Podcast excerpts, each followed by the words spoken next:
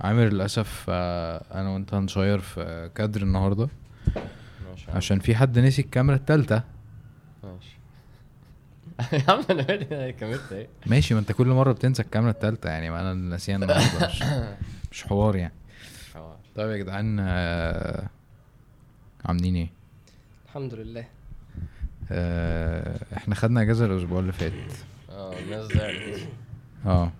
طب خدنا إجازة ليه طيب؟ بجد. إيه عشان شريف كان محتاج أجازة. عادي عشان أنا باجي من سفر كده كنت عايز يعني محتاج أجازة. فاميلي امم يوم عائلي يعني. حلو. وأنت كنت محتاج أجازة برضه؟ أنت كنت حاسس إنك مش قادر برضه. استغليت يعني. امم أنا برضو كنت آه، كنت حاسس إن أنا مش قادر شوية فعادي يعني حوار الأجازة ده حاجة كويسة. كان عندك ظروف أنت الأسبوع اللي فات أنا؟ شوية آه. كان عندك كذا حالة وفاة وبتاع. آه. لا هو يعني المفروض إن الإنسان المفروض إن الإنسان لما يبقى في عمل دعوي هو آه، يعني يعني بينه وبين ربنا سبحانه وتعالى بيعمله المفروض إن هو يداوم عليه. يعني آه، أنت ده التزام آه، العمل الدعوي ده إن إحنا نيجي ونتجمع ونحضر ونتكلم عن ربنا سبحانه وتعالى. إحنا المفروض إن إحنا نلتزم ده ما يبقاش الإنسان بمزاجه بهواه يعني. مم. يعني أنا قررت إن أنا النهارده ماليش مزاج إن أنا مثلا أعمل درس أو إن أنا أتكلم فخلاص مش هتكلم. لا المعاملة دي المعاملة دي غلط. حلو. يعني المفروض إن أنا وأنا بعامل ربنا سبحانه وتعالى أنا هنا عبد. فالدعوه عمل آه، عمل طاعة عبودية لله سبحانه وتعالى. فلكن أحيانا بتبقى أنت آه، في ترتيب برضو أنت محتاج إن أنت تدي حق. لاهلك في البيت. طبعا. آه، فلما يحصل تعارض مفيش مشكلة إن أنت إيه بتوازن الأمور. أنت مش معناها إن أنت بتاخد إجازة من من العبادة يعني. مش لا يعني أنت في عبادة بتنتقل لعبادة تانية. إن أنت بتبقى مع أهلك وتديها برضو حقها زوجتك واولادك وكده. آه، بس لكن يعني مفهوم الإجازة ده ده مش صح. يعني أحيانا أنت أصلا بتبقى راحتك في العمل. يعني أنت راحتك في آه، في الدعوة. راحتك إن أنت تشتغل. كنت لسه يعني- بتكلم مع اسف إن أنا قطعتك بس كنا بنتكلم مع شوية شباب في في الأخوة. والحب في الله وحاجات زي كده مم. اتكلمنا شوية عن الحاجات دي حازم. فكانوا فكانوا بي فالحديث بتاع سبعة يظلهم الله في ظله يوم لا ظل إلا ظله فرجلان تحابا في الله اجتمع عليه و... و... وافترقا عليه على أو تفرقوا عليه فاجتمع عليه دي مفهومة يعني عادي اللي هو بي- بيجتمعوا يعملوا حاجة لله يعني ودعوة أو حاجة خير حاجة كويسة حاجة لله يعني وطب هي- هيفترقوا إزاي يعني؟ يعني إيه هي حاجة غريبة يعني إزاي هيفترقوا على على طاعة مثلا؟ فزي ما انت بتقول انه انت من عبادة لعبادة تانية. سبحان الله. اللي هو انت رايح تقعد مع مراتك فدي حاجة دي عبادة دي حاجة خير صح؟ وانت رايح ت- تتعالج من الامراض دي آه. طيب آه، نبدا في إيه؟ في حلقة النهارده؟ نبدأ بحاجه نبدأ؟ نمشي تبدأ زي ما أنت؟ أنت عايز نمشي بال هنمشي خلاص ماشي. هنمشي آه، بال... بالهيكل بتاعي اللي هو أصلا عامر قال لي أنت فانا بعت له الكلام بقول له يا عامر بسم الله آه، وهو هو هو نفس الكلام ماشي بس هو لازم هو اللي يقوله يعني صح؟ لا مش هو- م- مش هو لا هو مش بدا إزاي؟ بدأ إزاي؟ أنت مشكلة تحضيرك إنه كذا كذا؟ ما هو نفس التحضير بس لا، انت- هو- هو ما نفس- هو كده هو أيوة، كده. هو أيوة. نفس التحضير بس بس. هو عامر آه، عملي شوية. تمام. أيوه ماشي؟ هو بي- بيقول نقط عملية فانا بحاول أقول له لا إحنا محتاجين ان إحنا نتكلم على الجانب الايماني شوية تمام. بس فهو هو في الآخر هو بقى لما بعت لي رسالة قعدت اضحك وأنا بسمع لأن أنا. أنا قلت له نفس النقط اللي هو قالها بس بترتيب مختلف. يعني فاهم بطريقة مختلفة وترتيب مختلف فهو قال لي على فكرة انت بتقول نفس الكلام يعني قاعد يعدهم لي بشوف يعني أنا بس عايز نقطة الناس عايز نقطه الناس تفهم مين اللي بيحضر ومين اللي بيحور ماشي طيب. طيب. ومين اللي بيحضرش؟ انت حضرت النهارده أنا حضرت. النهارده آه، الحمد لله إحنا هنتكلم عن إيه بقى؟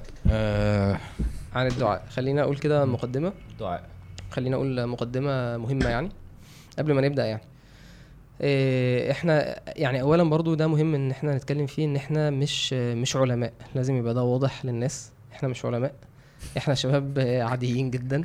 بنحاول إن إحنا ولو مش إيه، واضح دي تبقى مشكلة يعني آه هي هي- لأن لأ فعلا بتلاقي يعني لو الناس بتلاقي بتمستكنا إن ب- إحنا علماء آه ف- بتلاقي في بعض إيه بعض؟ التعليقات مش كده مشكلتنا إحنا آه. بتلاقي في بعض التعليقات كده اللي هو بيعاملك كأن أنت المفروض إن أنت ما يعني تتكلم بطريقة معينة وال... وبتلاقي ناس مثلا أنا اتفرجت نص الحلقة والمحتوى العلمي ضعيف جدا ما هو على فكرة هو مش صح. محتوى علمي أصلا كلامك صح أنا متفق معاك يعني اولا إحنا مش علماء إحنا ناس عاديين شباب عاديين مرينا بتجارب في حياتنا.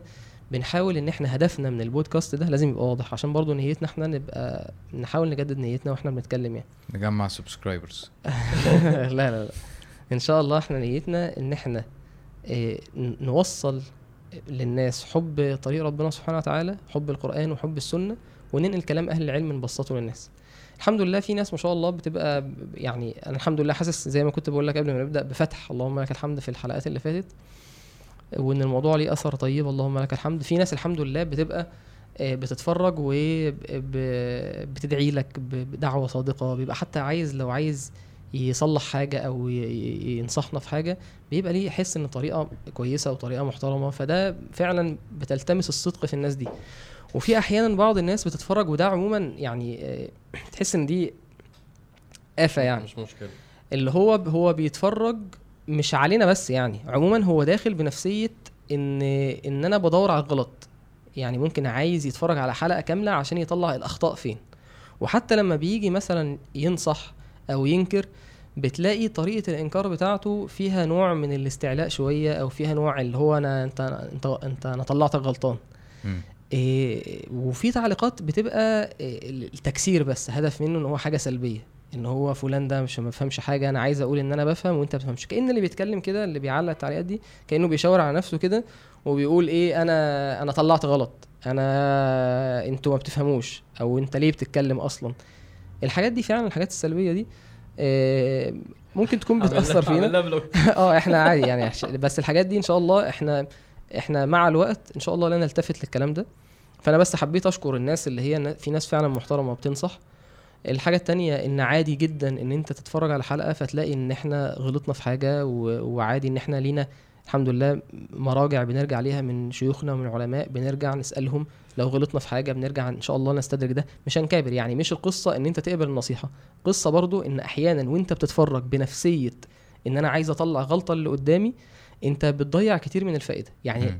بتلاقي حد بيتفرج هو عايز يصنف حازم ده إيه بالظبط عايز يشخص ش... يعني مش لازم تعمل لي تحليل. شخصيه يعني مش هتعرف يعني. آه تلاقيه مشغول قوي حازم كذا وعامر كذا وشريف كذا على فكرة لا عادي اقعد اسمع بنية إن أنت تنتفع قلت حاجة كويسة إن شاء الله ربنا ينفعنا بيها قلت حاجة غلط انصحني فيها بطريقة كويسة بس ده اللي أنا عايز أقوله في المقدمة قبل ما نبدأ يعني. آه، عايز تقول حاجة أنت كمان؟ قول قول قول حاجة كده نبدأ بيها الحلقة.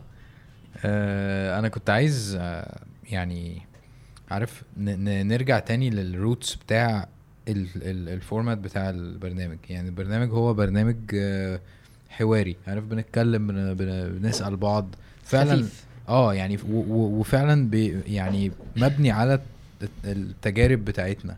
عارف؟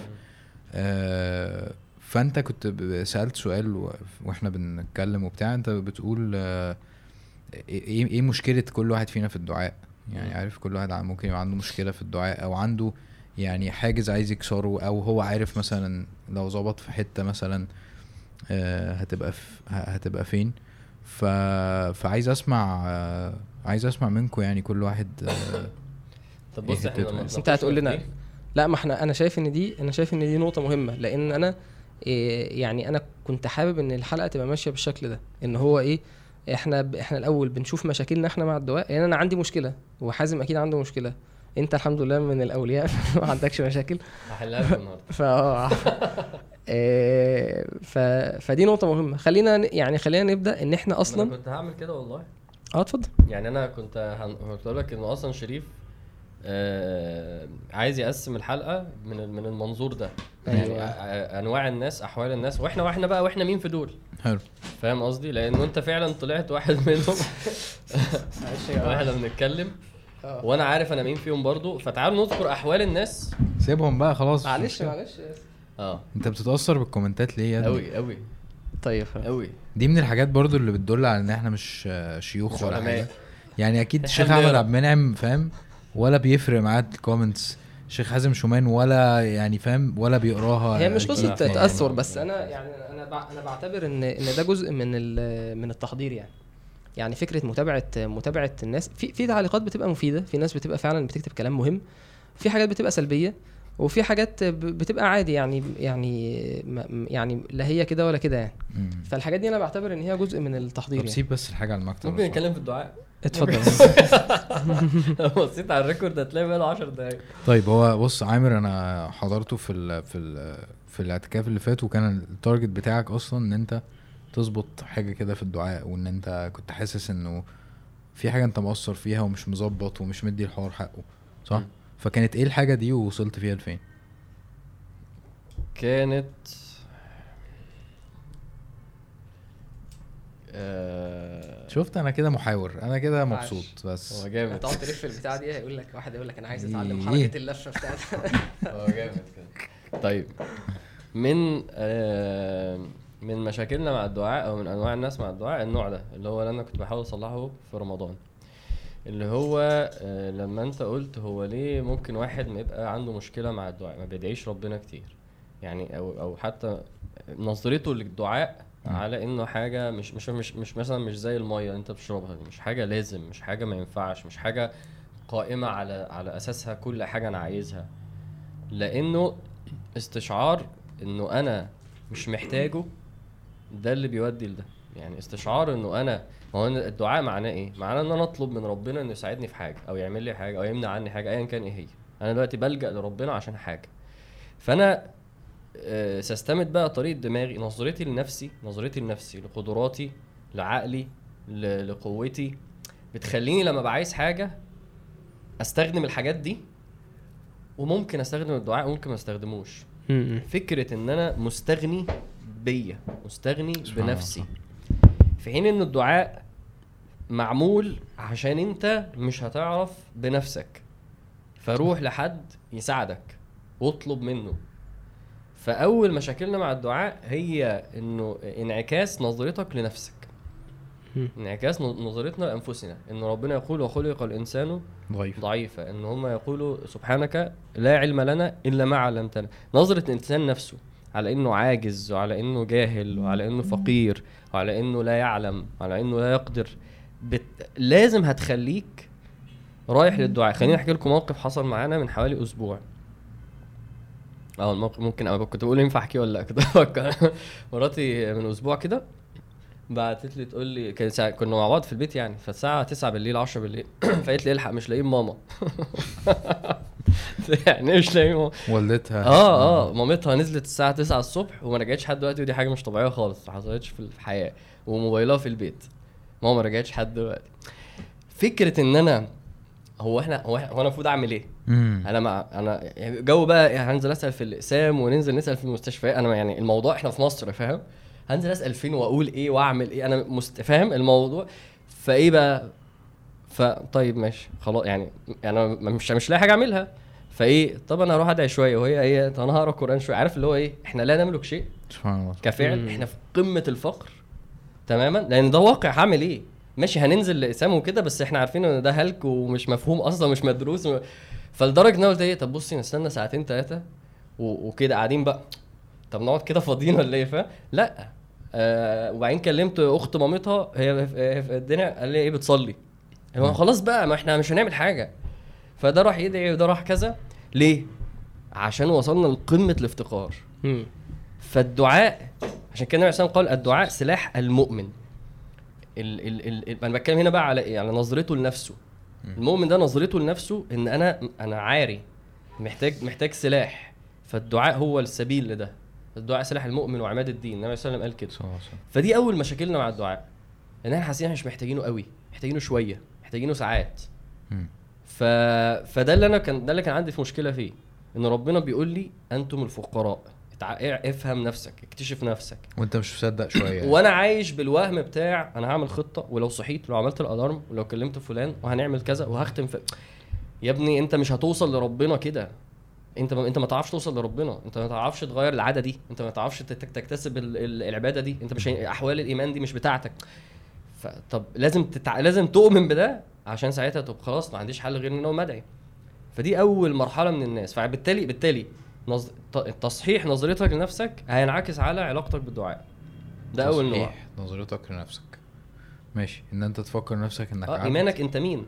وده وده في القرآن والسنة. مم. عشان إحنا نظرتنا لنفوسنا دايما فيها حول لحد ما الوحي يضبطها لك. أنت ما. تعرفش أنت مين. إحنا أصلا في حتى للأسف العلوم الدنيوية دلوقتي وال personal development وال coaching بيعرفك أنت مين. طبعاً، فما. بالك لما تروح الا يعلم من خلق. صح. ففعلا أنا كانت نظرتي لنفسي وهميه جدا. ف... فده أول مشاكلي كانت مع الدعاء. ولسه ما ما- مش بقول اتحلت بس بس عارف مشكلتي مع الدعاء مبنية على إيه؟ أحد الحاجات يعني.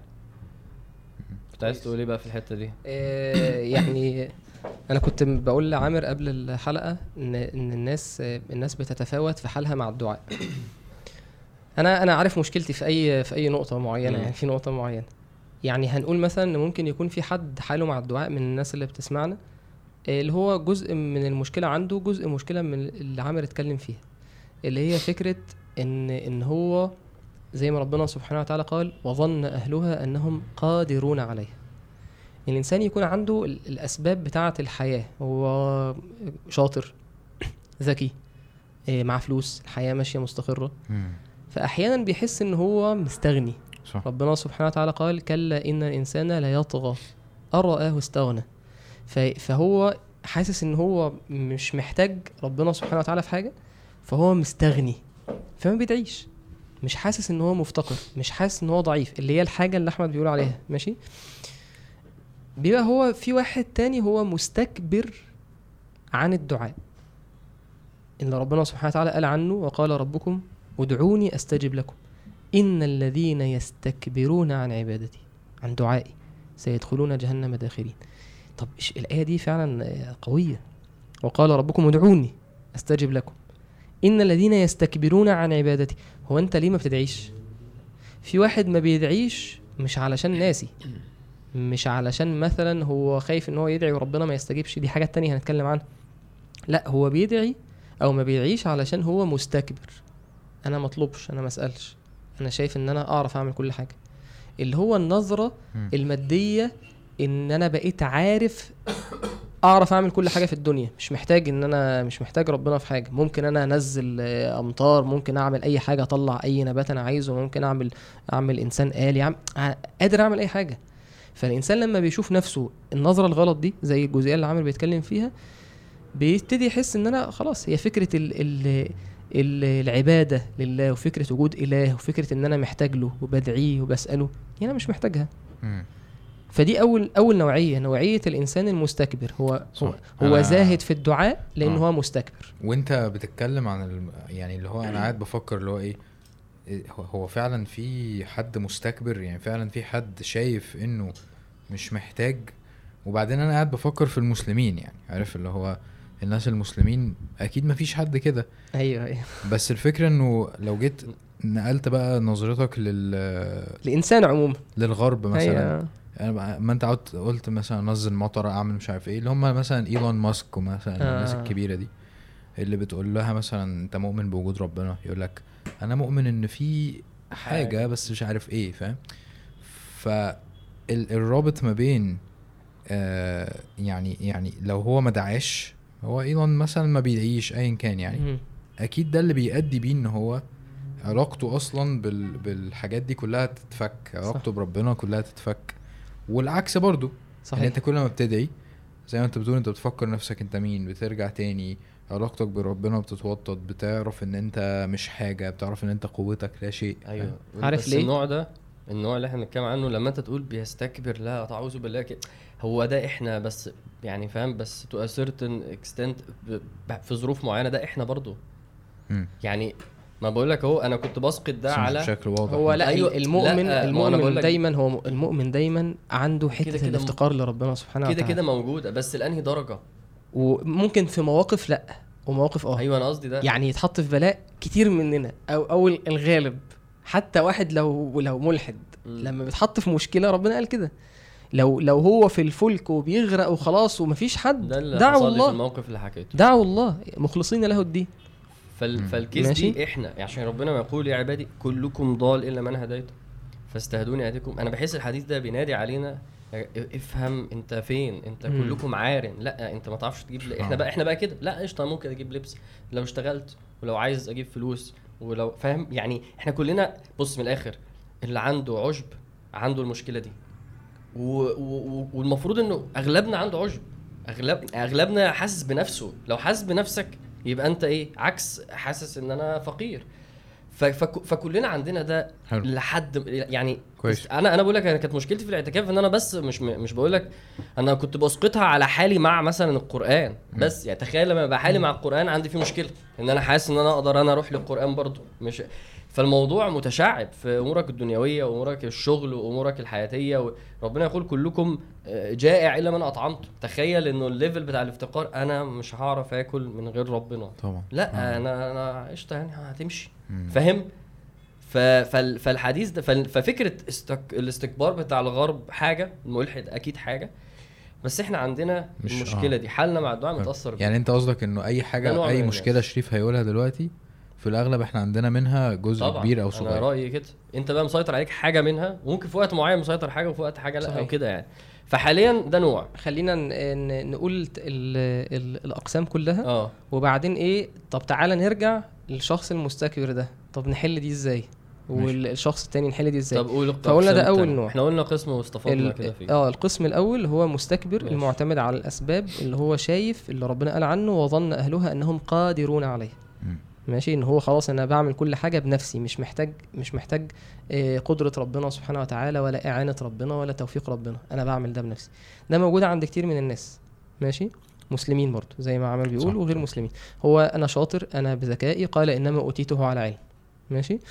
آه. النوع التاني هو مش مش مش مستكبر. هو زاهد في الدعاء لأن هو ما يعرفش ربنا سبحانه وتعالى. ماشي. يعني معرفته بربنا ضعيفة. فبالتالي يعني مثلا إيه؟ والله المثل الأعلى. أنا لو عارف مثلا إن حازم ده راجل غني وربنا موسع عليه وإن هو بي بي بيعطي الفقراء وبيطعم المساكين على حسب معرفتي بيه. طبعا صح. على حسب ما أنا هقصد الإنسان ده. يعني مم. الفقراء هتلاقيهم خلاص هم عارفين والله إن الحاج فلان ده هو اللي بي بيوزع وبيدي ومش عارف إيه. فهتلاقي الناس إيه؟ رايحين وبيدلوا بعض عليه. طيب لو أنا ما أعرفش مش هسألك مش هطلب منك مش هقصدك. فعلى قدر معرفة الإنسان بربنا سبحانه وتعالى على جميل. قدر إن هو يقصد ربنا في السؤال. ماشي؟ فالمشكلة التانية أو النوع التاني واحد زاهد في الدعاء لأن هو شايفها صعبة بعيد. مش علشان هو مثلا مش مؤمن بربنا لا هو مؤمن بربنا. بس شايف إن هي يعني دي ما تحصلش. هي محتاجة أسباب الأسباب بتاعتها مش موجودة فبالتالي أنا إيه؟ مش هسأل. ليه؟ لأن أنا عندي مشكلة في معرفة ربنا في. معرفة قدرة ربنا أو واحد كان ليه التجارب مع الدعاء مش ناجحة ده مشكلة ثالثه ولا واحد تالت ده واحد نوع تالت. تالت يعني في واحد مشكلته استكبار في واحد مشكلته إن هو ما يعرفش ربنا الله. سبحانه وتعالى فبالتالي ما بيسألش في واحد تالت مشكلته لأ أنا دعيت قبل كده وعارف إن ربنا مجيب سبحانه وتعالى وعارف إن ربنا على كل شيء قدير ولكن أنا كان ليا تجارب مع الدعاء مش مش أحسن حاجة دعيت كتير وربنا ما استجابش أو الإجابة اتأخرت جدا أو لقيت حاجة عكس اللي أنا كنت بطلبها حصلت فبالتالي أنا زاهد في الدعاء. مش حاسس إن الدعاء ده سلاح. حتى إيه تبقى بتبان حتى في, في تقول له طب ما تدعي دعيت يعني حصل له مشكلة مثلا ولا حاجة يقول لك أنا عايز حل المشكلة دي أعمل إيه؟ عايز أبطل الذنب ده ولا عايز أعمل الطاعة دي ولا عايز مثلا أشتغل الشغلانة دي يبقى أعمل إيه؟ تقول له مثلا إيه ادعي دعيت مثلا دعيت الأول؟ كتير مثلا. يقول لك آه، دعيت دعيت. حاجة حاجة غير الدعاء. يعني اديني حل أيوه حقيقي ع- حقيقي.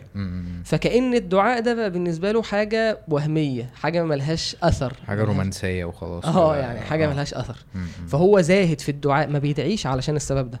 مم. علشان أنا دعيت وربنا ما استجابش. في واحد بيبقى يعني بيوصل من الحتة دي اللي هو زعلان غضبان. مم. أنا ك- أنا متضايق. أنا دعيت ربنا وما استجابليش. فتحس إن هو إيه يعني آه، في في حالة من الغضب وان أنا ليه يعني؟ وممكن واحد يسيب الصلاة أنا يقول لك سمعت ده كتير اللي هو أنا زعلان. آه أنا أنا زعلان من ربنا. هي فاهم. عارف أنت آه، الميم هو- بتاع باتمان ده؟ هو هو هو على فكرة يعني إحنا مش إيه؟ هو ده يعني ده موجود. فاحنا يعني يعني يعني لازم لازم لازم برضو معاها. إن ده يبقى آه يعني إحنا بنهزر معاه. يعني ده ده موجود وده من برضو من مداخل الشيطان وفي ناس بت يعني بت بت بتروح في اتجاه الإلحاد بسبب إن هو مثلا أنا دعيت وربنا ما استجابش فين بقى؟ ربنا من الدعاء بتاعي. مثلا بيقول كده. فده مشكلته تتحل إزاي؟ النوع ال- النوع الأخير يعني من وجهة نظري يعني اللي هو إيه ممكن يبقى عارف إن ربنا على كل شيء قدير ودعا قبل كده حاجات كتير على فكرة وربنا استجاب له وبيقرأ في القرآن وفي السنة قدرة ربنا على إجابة الدعاء ودعوات الأنبياء ومع ذلك ما بيدعيش. ما بيدعيش غير لما يتحط في مشكلة. مم. يعني لما يبقى فيه أزمة إنما الدعاء مش حال. أيوه. يعني هو مش مش بيتعبد لله كل شوية كده يرفع إيده وي- وينزل كده بين الأذان والإقامة ويتحرى أوقات الإجابة وينزل ويقعد ويستقبل القبله بتلاقي في ناس كده. يعني انت تنزل مثلا المسجد تلاقي في واحد واخد جنبه قاعد بيدعي. هو بيدعي ليه دلوقتي؟ يعني بيدعي بين بين الأذان والإقامة في صلاة الظهر ليه؟ أنا مش حاسس إن أنا في الوقت ده محتاج حاجة. أنا عادي صحيت من النوم وكلت الفطار و... ونزلت عادي فعادي أصلي الظهر وأرجع يعني. مش حاسس بحالة الافتقار دي عشان أدعي دلوقتي. هو ده بيدعي كده ليه؟ أنا أنا بحس نفسي إن أنا إن دي مشكلتي. مشكلتك الأكبر. دي مشكلتي الأكبر. أيوة، أيوة. يعني مشكلتي الأكبر إن أيوة. أنا طب ما أنا ده غير عارف. إنك مستكبر يعني. ربنا ربنا يرزقنا. التواضع ويعافينا من. الكبر. آه، آه، آه، دي دي المشكلة اللي أنا بعاني منها. يعني طب أنا ليه ما بدعيش. يعني ليه ما تدعيش غير لما تتحط في مشكلة؟ هو أنت صح. مش مش فقير؟ الكتاب اللي أنت كنت اديتهولي اللي هو بتاع اليوم النبوي. عجيب. آه، كم دعاء في الأذكار؟ آه بالظبط. يعني أنا بنصح الناس تجيبه ولو مش هد يعني لو مش هتستفيدوا منه أي حاجة غير إن أنتوا تشوفوا كمية الدع... الدعاء اللي النبي صلى الله عليه وسلم بيدعيه في كل حاجة في كل. موقف يرجع البيت يدعي وهو داخل يدعي آه بيسلم على زوجته وبعد كده يقعد يدعي آه في المسجد يدعي في الصلاة. في كل حاجة وكل دعاء. حاجة ليها دعاء سبحان الله شيء عارف ليه؟ عجيب عجيب والله سبحان عارف الله ليه لأن النبي عليه الصلاة والسلام قال كلمة. قال الدعاء هو العبادة هي دي دي جزئية من ال- اللي اللي كان عامر عايز يوصلها الدعاء هو العبادة. إن إن فعلا أنت على فكرة ممكن تكون بتصلي بتقرأ قرآن وبتحج وبتعمل عمرة وبتطلع صدقات وبتطلع الزكاة بتعمل كل الأعمال دي ومش مستشعر بحقيقة الافتقار والعبودية. يكون عندك كل ده واقف بيصلي وعادي وقلبه ملي جبل في جبل كبر. لكن يستحيل إنسان يقعد ويرفع إيده ويقول يا رب ده غير لو هو اولا اعتقاده في الله سليم إن ربنا سبحانه وتعالى سميع بصير إن ربنا سبحانه وتعالى يعلم وإن ربنا سبحانه وتعالى قدير. فأنا بما ان أنا بقول له يا رب يعني سيدنا زكريا عليه السلام وهو بيقول إيه؟ قال رب إني وهن العظم مني واشتعل الرأس شيبة. يعني يا رب أنا ما عنديش أسباب. وهن العظم مني واشتعل الرأس شيبة ولم أكن بدعائك رب شقي. يعني ال- العقيدة دي في قلبه وهو. بيدعي يا رب أنا عمري ما دعيتك وخذلتني. سبحان الله. عمري ما سألتك وردتني ولم أكن بدعائك رب شقيا وإني خفت الموالي من ورائي وكانت امرأتي عاقرة فهب لي من لدنك ولي. يرثني ويرث آل يعقوب واجعله ربي رضي هو سؤال, سؤال يرثني. ويرث آل من يعقوب. من, من آل يعقوب. آه. لا لا آل يعقوب. من. من آل يعقوب. يرثني خلاص ويرث إحنا اتنين. الكومنتات. هتنجز. ماشي. آه الشاهد إيه؟ الشاهد إن كانت هتبقى آلة يعقوب. قولها كده. يرث آه صح. ماشي. الشاهد إن إن دعاء سيدنا زكريا ده دليل على إن هو يعلم إن ربنا سبحانه وتعالى يقدر على العطاء ده. يعني لو أنا الأسباب بتاعتي مش موجود تخيل عارف قصة سيدنا زكريا دي؟ كأن واحد مثلا راح آه، شيخ كبير وزوجته عاقر لا تلد أصلا وراح لدكتور وبيقول له يا دكتور أنا إيه أنا عايز أخلف. فالدكتور هيبص له كده خلاص. أيوه هي قصة مش منطقية مش يعني. منطقية طلب أصلاً. طلب مش الطلب منطقي. مش منطقي. يعني هو مش بي... مش هو شباب مثلا في عز الشباب وزوجته آه، عادية بصحتها عادي وبتخلف عادي فبيدعي. هو ده طلب طبيعي. مم. يعني عادي أنا ممكن أكون بصحتي وعندي الأسباب بقول له يا رب ارزقني ذرية صالحة. لا ده مع انقطاع الأسباب. فمعنى إن هو بيسأل السؤال ده إن هو إيه؟ إن هو هو يعلم هو عارف هو بيدعي مين بيسأل مين. وعارف إن ربنا قادر على ده. في مثال متخلف كده. ده كده بتشد الناس. آه لا أنا فعلا عايز يعني هو فعلا متخلف شوية بس يعني أنا بحس إنه العلاقة مع ربنا سبحانه وتعالى في, في الدعاء. آه، خصوصا آه، خصوصا في ال- في الجزئية بتاعت الناس اللي هم آه، دعيت ربنا وما استجابليش ومش عارف إيه. إنه في الحتة في الحتة اللي مش منطقية دي اللي هو يعني إزاي ربنا هيديني حاجة هي أصلا مش مش منطقية فاهم؟ آه كل ما انت كنت مستسلم أكتر لقدرة ربنا سبحانه وتعالى وكل ما سبت نفسك أكتر عارف زي ما تيجي مثلا مثال متخلف قوي والله. عارف لما تيجي بي- بيبقى في كوب... كوبايات على الترابيزة ها. وانت عايز تشد المفرش من تحتها؟ ها. عارف؟ عارف الحركة دي؟ عارفها. أيوه لو شديت المفرش فاهم؟ يعني ب ب ب خفة. بكتيان كده يعني اللي هو بالراحة فالكوبايات هتقع فاهم؟ ها. عشان انت مش مصدق قوي ان الحركة تنفع يعني فاهم؟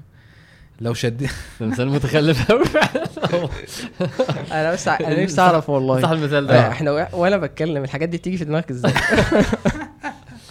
ألهم- ألهمتني إزاي، فأنا- صح؟ أنا أنت وصلت للكوبايات دي من قصة سيدنا زكريا إزاي؟ ما هو لو أنت شديت بقى جامد جدا فاكر؟ المثال بتاع الاعتكاف؟ أنهي واحد سعيد الشاشه ده ده آه، لما خد. المايك لما خد المايك أنا عايز. أقول آه. حاجة آه والله آه ده قلبه سيرك سيرك بلاش انت طب إحنا بلاش انت بتاع الأفتر تيست طب إحنا آه. المهم فهمت ال- المثال فهمت. عشان بس الناس اللي مش مش عارف يعني اللي هو إيه لو انت شديت البتاع جامد جدا وبسرعة جدا الكوبايات مش هتقع. صح عارف. عارفها. فيزياء آه. عارف الفيزياء. أنا ما أعرفهاش بقى ماشي فالتعامل ده والله فعلا يعني نرجع بقى لل للح... للحياة فاهم آه هو كده هو التعامل مع ربنا كل ما انت سبت نفسك أكتر. استسلام جدا بقى طب و- إحنا آه. آه إحنا هنا بنتكلم عن اللي أنا فاهمه يعني ال- الشخص اللي عنده قصور في إيمانه بربنا آه. و- ومعرفة ربنا ال- ال- اللي شريف قاله ده مثال من آه إزاي ممكن يبقى عبد زي سيدنا زكريا عارف مين ربنا فلما الأسباب مش موجودة دي أصلا ما ملهاش دعوة بمين هو ربنا. فمكمل. ال ال ال العبرة بقى في الوحي إن هو ما فيهوش غير كده. يعني الوحي ما فيهوش غير كلام عن مين هو ربنا. سبحان الله. في في قوته في قدرته في كرمه في عطائه في وإزاي إن هو يعلم وإزاي إن هو يقدر وإزاي. فده بقى ما بيخلصش في معاملته لل... للأولياء وللأنبياء و... وللضعفاء المهاجرين وليه ال- كذا وقوته وجبروته على الأعداء وعلى وقهره لفرعون. القرآن ما فيهوش غير كده والسنة ما فيهاش غير كده. بس بحس إنه سبحان الله ربنا يقول إيه؟ ولله الأسماء الحسنى فادعوه بها دي ملخص كل الكلام ده. إن ربنا بيقول لك إنه أنا اللي إيه ال ال الأسماء دي ليا. أنا الكريم. فادعيني عشان عشان كرمي ده. الله. اللي هو بقى هيجي بعد شوية في القرآن أمثلة عن لله الأسماء الحسنى. أنا الرحمن الرحمن. الله. فادعيني عشان أنا الرحمن. فالقران هيمسك لك الآية دي وتشوف بقى إيه كتاب فصلت آياته. إزاي القرآن هيفصل الاسم ده أو ال- ال- الصفة دي. الأسماء دي؟ هتشوف. النبي عليه الصلاة مثلا في حديث. يمسك اسمين من دول ويتكلم عنهم. إن الله حي كريم. يستحي إذا رفع العبد يديه أن يردهما صفرا خابئا فيكلمك عن الصفة دي إزاي ربنا عشان هو متصف بيها فادعي فهتلاقي بقى القرآن بس الآية دي كل ما بتجيلي بحس إن هي قالت لي بص لما معنى اسم جميل آه اسم الله. القوي اسم الله القدير اسم الله العليم اسم الله المعطي اسم الله الوهاب الله يقول لك إن ولله والتقديم ده إن هو بس اللي للاصف اختصاص. آه هي بس الصفات دي مختصة بيه بالكمال ده وبال وبال وبال وبال بال مش مش عارف أقول لك بالكمال ده يعني أو بالقدر ده ف ف فسببية. فادعيه بقى؟ ادعيه بقى؟ عشان هو اللي بيملك كل ده وهو اللي بيعطي. كل ده وهو اللي اسماؤه كده وهو اللي صفاته كده. سبحان الله. غير كده ممكن نقعد نتكلم عن أفعاله مع سيدنا إبراهيم وعن أفعاله مع سيدنا يونس وعن أفعاله مع سيدنا يوسف وعن والقرآن بقى الحمد لله إيه متظبطين. القرآن والسنة النبي صلى الله عليه وسلم يقول يمين الله إيه؟ ملأى. يمين الله ملأى سحاء الليل والنهار. ده الله. حديث بيتكلم عن مثلا. ربنا في كرمه. مم. أرأيتم ماذا أنفق منذ خلق الأرض؟ سبحان الله. ف الاستمتاع بمعرفة ربنا في القرآن والسنة ملوش ملوش ملوش حصر. فعلا والتدبر ملوش حصر. بس هتظل الآية دي بتلخص معنى اللي إحنا عايزين نقوله. لو عرفت مين ربنا هتدعيه وده سبحان الله لما بسمع اسم مثلا اسم الله الهادي و- وتأثر باسم الله الهادي هت... بيتحول دعائي بس بس اللهم اهدني مم. لازم. بس. صح. بس والله اقعد من وإيه بقى؟ اهدني لأحسن الأخلاق اهدني للطيب من القول اهدني للصراط المستقيم. بس ما, ب... ما بستخدمش غير الاسم ده من كتر ما المعرفة بيه حاليا إيه آه، اكتف وبتاخد منه و- كل اللي أنت عايزه. بس وكل والله فعلا حقيقه الاسم الواحد صح. يا رب ألطف بيا في الشغل يا رب ألطف بيا في صحتي يا رب ألطف بيا في فلوسي يا رب. بتسمع اسم بتتعلق باسم بتعرف ربنا فيه أكتر بتلاقي الدعاء بالاسم ده بس ما بيخلصش. مم. سبحان الله. فالخلاصة اللي أنتوا بتقولوه اللي أنا بقوله يعني إنه كل ما هنستفيض في معرفة ربنا كل ما لازم هندعي غصب عننا. كويس جدا. ده يعني وده خصوصا في الدعاء. يعني ربنا سبحانه وتعالى في في من الأسماء الحسنى أسماء متعلقة بالدعاء. يعني سيدنا آه. سيدنا صالح كان يقول قال فاستغفروه ثم توبوا إليه إن ربي قريب مجيب مم. يعني أنت أنت ما بتدعيش رب بعيد مم. هو ربنا سبحانه وتعالى عليم قريب أنا كنت بتقرأ في في صلاة العشاء آه، سورة قاف ولقد خلقنا الإنسان ونعلم ما توسوس به نفسه ونحن أقرب إليه من حبل الوريد فهو قريب سبحانه وتعالى. أحيانا أنت أنت ممكن مثلا إيه آه، عايز مثلا يعني ولا المثل أعلى. أنت في أنت في مشكلة. وليك واحد مثلا قريبك قوي وليه معارف ومش عارف إيه أنت في أي مشكلة بتقع فيها ترفع إيه. تليفونه وتكلمه ويخلص لك الموضوع على طول. كويس؟ أحيانا هو ممكن يكون الشخص ده تليفونه مقفول مثلا أو مسافر بره مصر. فأنت هتكلم مين؟ يعني مش هتعرف تجيبه. الله، صح. فأنت أصلا ربنا سبحانه وتعالى هو قريب وهو معكم أينما كنتم. سبحانه وتعالى إيه إيه إيه لا ينام الحي القيوم لا تأخذه سنة ولا نوم. سبحانه وتعالى. ومع ومع ده أنت ممكن يكون الشخص اللي أنت بتكلمه علشان يساعدك أو إن هو يلحقك ممكن يكون هو عنده قدرة. بس عنده قدرة في حاجات وفي حاجات تانية تكلمه تقول يقول لك والله بص أنا بصراحة مش ما أقدرش اتوسط لك في الحتة دي ما أقدرش اتكلم فيها دي مم. اعلى مني اكبر مني.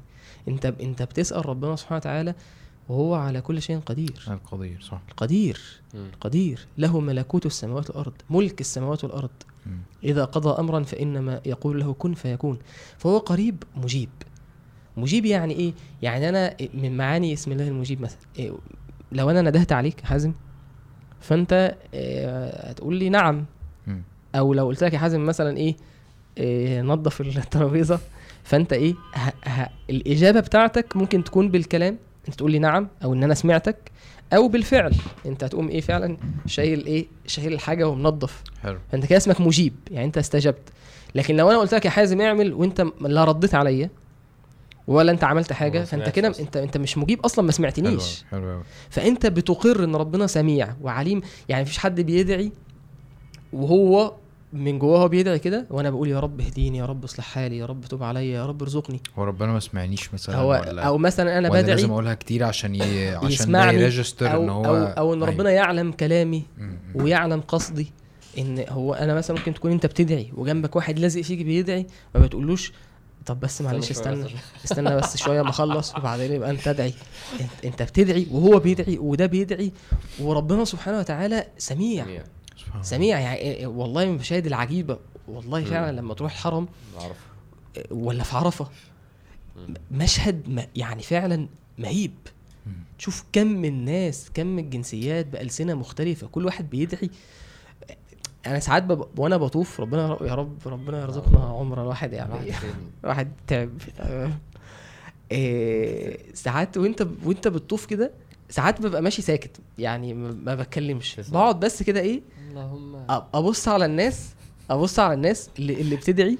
والناس اللي بتعيط والألسنة الغريبة والدعوات وأبص كده أشوف كده عظمة ربنا بس. يعني وأمن يعني أنا بعدي جنبي ألاقي واحد كده ربنا يرزقنا بواحد صالح كده قاعد بيعيط ومش عارف إيه وبتاع أجي جنبه وأسمع دعاء أقول يع- يعني إيه يمكن رحمة تنزل على الراجل ده يعني اخد اخد واحدة كمان ولا اللي هو بيقول اللهم.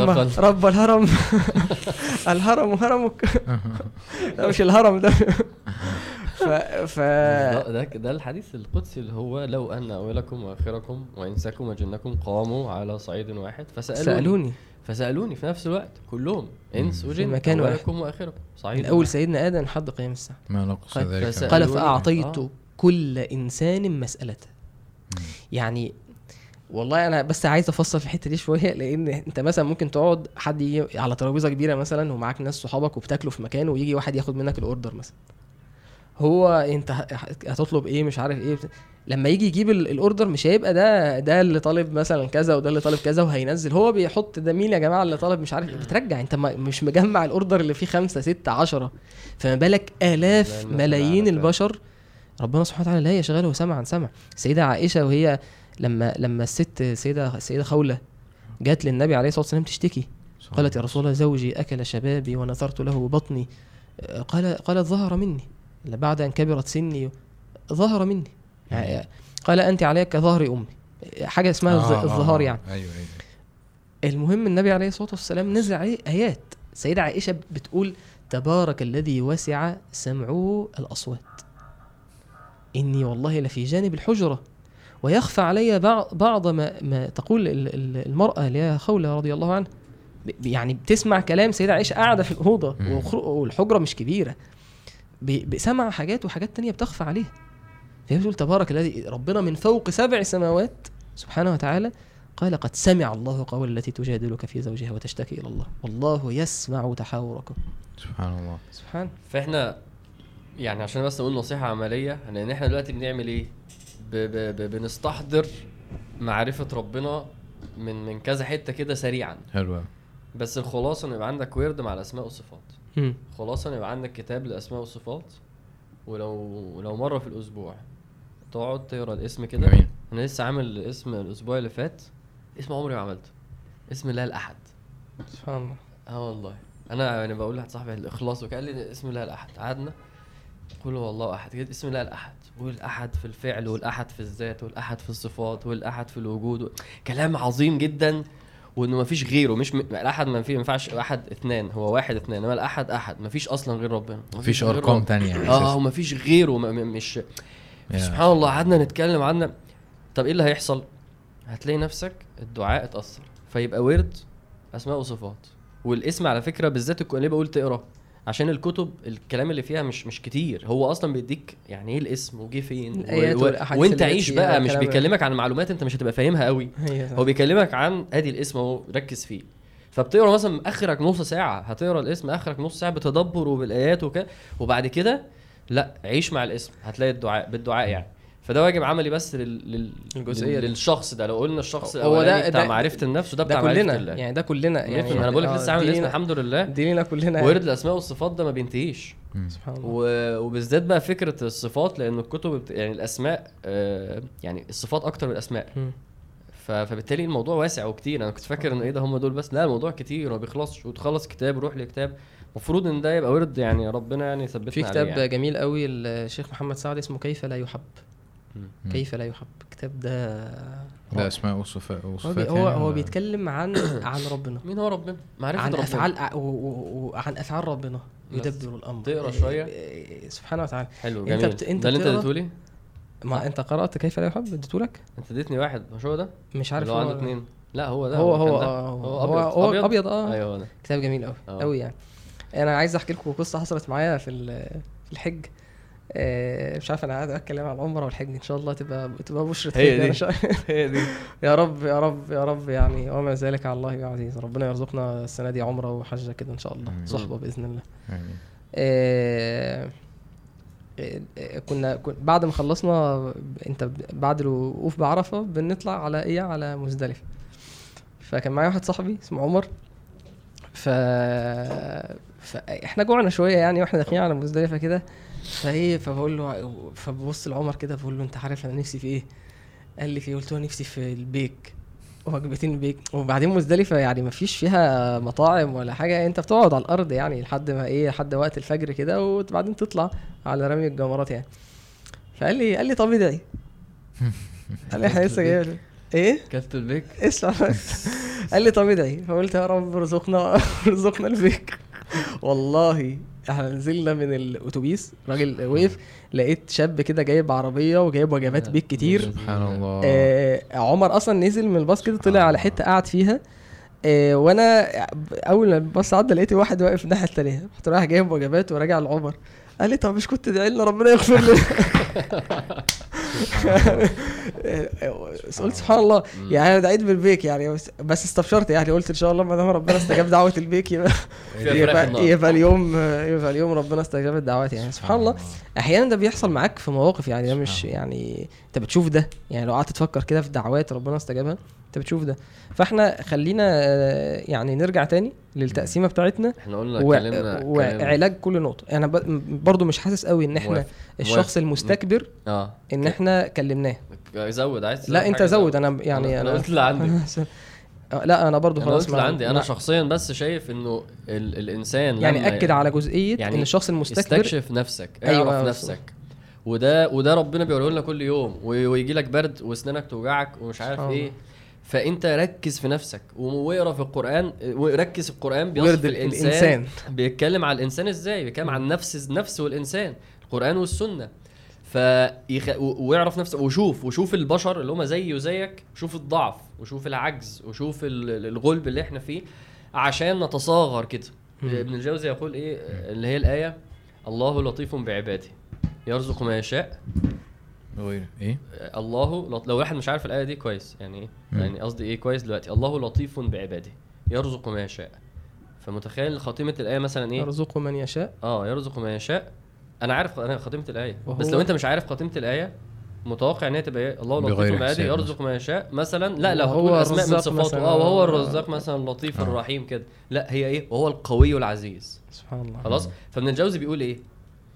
عشان يرزقك هو بيقول لك هو القوي العزيز. ماشي؟ فابن الجوزي بيقول إيه؟ تضاعف ما استطعت. الله. فإن اللطف مع الضعف أكثر. ابن الله الجوزي بيقول إيه؟ ربنا بيقول لك أنا القوي العزيز. عايز اللطف والرزق أنا القوي العزيز. يبقى أنت مين؟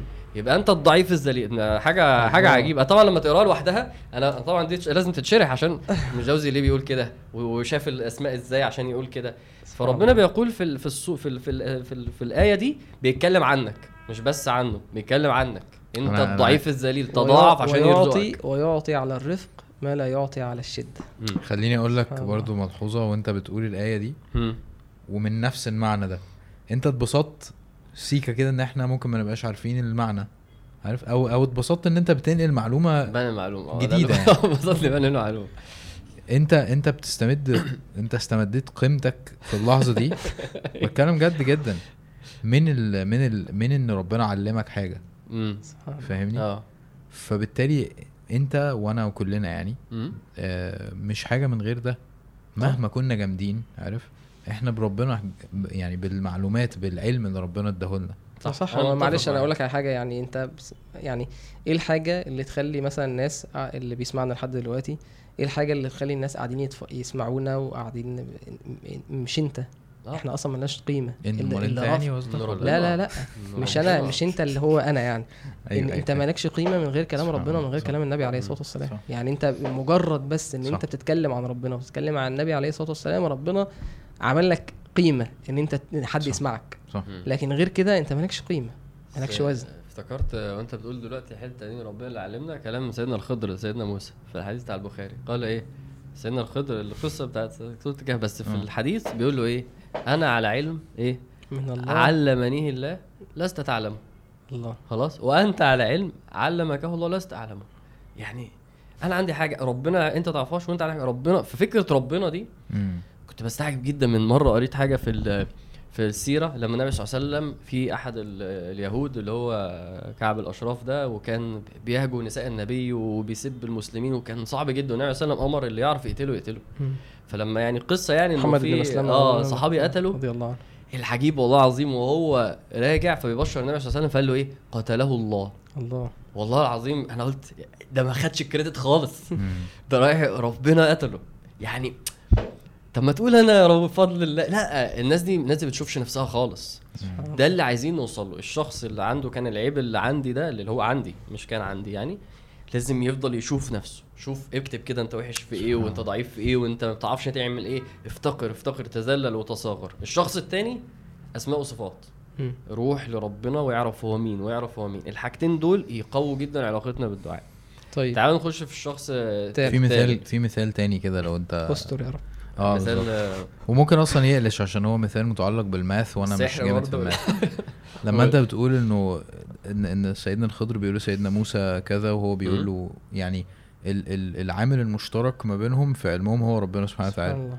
فلما بتقسم حاجة على إن- على يعني لو لو سلبت ده هم مفيش أصلا حاجة موجودة. فاهم. فاهم يعني math wise يعني. إن أنت لما بتقسم حاجة على نفس الحاجة مش غير ال ال أنا تهت والله. ال common factor أو انت أنت مهندس بس مش قوي لا فمش مشكلة تهت يعني. يعني أنا تهت. بص سيدنا الخضر قال له إيه؟ هو في نفس الحديث. والله سيدنا الخضر قال حاجة أحسن من دي. كانوا في في السفينة. شبه العصفور. آه فشاف عصفورة بتاخد نقطة مية كده من البحر. فقال له ما وما علمي وعلمك في علم الله إلا إيه؟ كما نقر العصفور ده. يعني إحنا أصلا ما عندناش حاجة. ف سبحان الله. يعني طبعا ملهاش علاقة أنت بتقوله بس أنا بس طبعا. عشان أنا دماغي عارف أنت مم. اكويشنز وكيف فتهت خلاص طيب إحنا كده واصلين لفين إحنا كلمنا عن كلمنا الش- عن الشخص ال- النوع من الناس على حسب ما أنا فاكر يعني إن هو دعا أو زاهد في الدعاء لأن هو كان عنده آه، تجارب مع الدعاء قبل كده مش كويس إحنا إحنا عايزين نتكلم دلوقتي عن ده؟ إحنا اتكلمنا عن يا جماعة عن اللي عنده مشكلة في معرفة نفسه أو معرفة عنده مشكلة ربنا. رب- ده خلاص كده تمام خلاص. ماشي. تعالوا ما هو ده ما معرفة هو نفس. المستكبر معرفة النفس هو ده. علاجها قدرة معرفة ربنا النفس معرفة ربنا وقدرة ربنا سبحانه لو وتعالى لو عايزين ند... معلش خليني أقول حاجة قبل ما. نخش في دي لأن دي هتطول طيب. طيب. أنا هنقل على النوع بتاع اللي هو أنا ما عنديش حال مع الدعاء ماشي. ماشي. آه كويس. عشان دي أنا عندي رأي فيها أنا حاسس إن هو في عجالة يعني. اللي هو اللي هو إحنا أنت برضو انت أيوه اللي هو إحنا اللي هو بقول لك عليها آه آه، آه، آه، هي دي خلصت؟ أنا مش فاهم. لا ما خلصتش. شريف كان بيقول في الآخر أنا بقى من أحد مشاكلنا أو بس من أنا عايز أحد أتكلم مشاكل فيها فأنا آه، لسه. ما هي لا آه، لسه. ماشي. من أحد مشاكلنا إن أنا ما مش مش مش مو مش محترف دعاء حاسس شوية كان بيسميها كده مش محترف دعاء في واحد محترف دعاء يقعد يدعي ربع ساعة بالليل ويقعد يدعي فاهم يوم الجمعة يقعد. الدعاء بالنسبة له جزء أساسي يعني في ساعات اليوم بحس إن أنا مثلا يجي يوم الجمعة وقت الإجابة في ناس واللي الناس اللي بيبعتوا message الشيخ حازم؟ ربنا عارف يبارك. الناس اللي بتبعت message الشيخ حازم ربنا آه، يبارك يوم بعد دعاء. قد كده بي- بيمسك كتاب دعاء ويقعد يدعي ربنا آه. يبارك يعني أنت عارف إحنا كنا مرة. كنا مرة بندي درس درس. وأنت فاهم هو على سفر وبتاع والمغرب فاضل ربع ساعة وعايز عايز نوقف الدرس عشان ندعي سبحان الله. وما رضيتش وزي... ويعني و... ومش زعل بس يعني. تأزم. يعني أنا راحت عليه ساعة. هنا بقى محترف الدعاء ده. ربنا يبارك رب ربنا يبارك. آه ربنا الناس على الله فعلا بس يعني من الناس اللي فعلا احوالها مع الدعاء قوية يعني. أنا بحس إنه في نقطتين يساعدونا في حل دي. النقطة الأولانية هو معرفة إنه الدعاء اللي أنت قلته الدعاء هو أصلا إيه؟ عبودية. هو عبودية. يعني عارف لما واحد بتقول له صلي عشان الصلاة دي عبادة عشان الصلاة دي فرض إحنا ساعات بن... الدعاء ده لو احتجته استخدمه. صح. لو. ما احتجتوش عادي. لا هو من لم يسأل الله يغضب عليه. النبي صلى الله عليه وسلم قال كده. وإن الذين يستكبرون عن عبادتي سيدخلون جهنم. وده حديث ضعيف تقريبا اللي هو الأولاني. يعني ماشي هنقول المعنى صحيح. بص طب الآية اهي. قل ما يعبأ بكم ربي لولا دعاؤكم. فأنا أنا بصراحة ما بحثتش في تخريج الحديث ده عشان ال- ال- اللي هيكتب حاجة يكتب عن حازم بس آه بس هجيبه هجيبه هجيبه. هجيبه في هجيبه في مرة تانية. هجيبه لك أنا. لا هجيب حازم مش هجيب حديث إنه إنه ربنا بيقول ما يعبأ بكم ربي لولا دعاؤكم. شوف الآية قوية إزاي. ففكرة إن أنت تقول لنفسك أنا لازم أدعي أنا مش هدعي لما أبقى عايز أنا لو مر عليا يوم من غير دعاء ده غلط. إنك تلزم نفسك بجلسة دعاء. حلو. ولو خمس. دقايق إيه؟ الشيخ الألباني محسنه. ماشي. حسن حسن إن شاء ماشي الله. إن شاء الله. يعني حسن ده يعني ممكن يبقى ضعيف عند بعض العلماء ممكن الشيخ الألباني محسنه يعني مجموعة طرق مثلا أو حاجة أو متن يعني. المعاني المعاني كلها في الوحي أيوة، أيوة. يعني مم.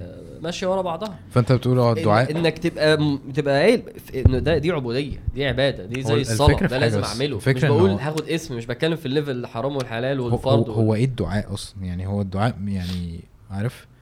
الناس ممكن تبقى بتقول طب يعني أنا افرض أنا مش محتاج حاجة دلوقتي حالا. مثلا فاهم؟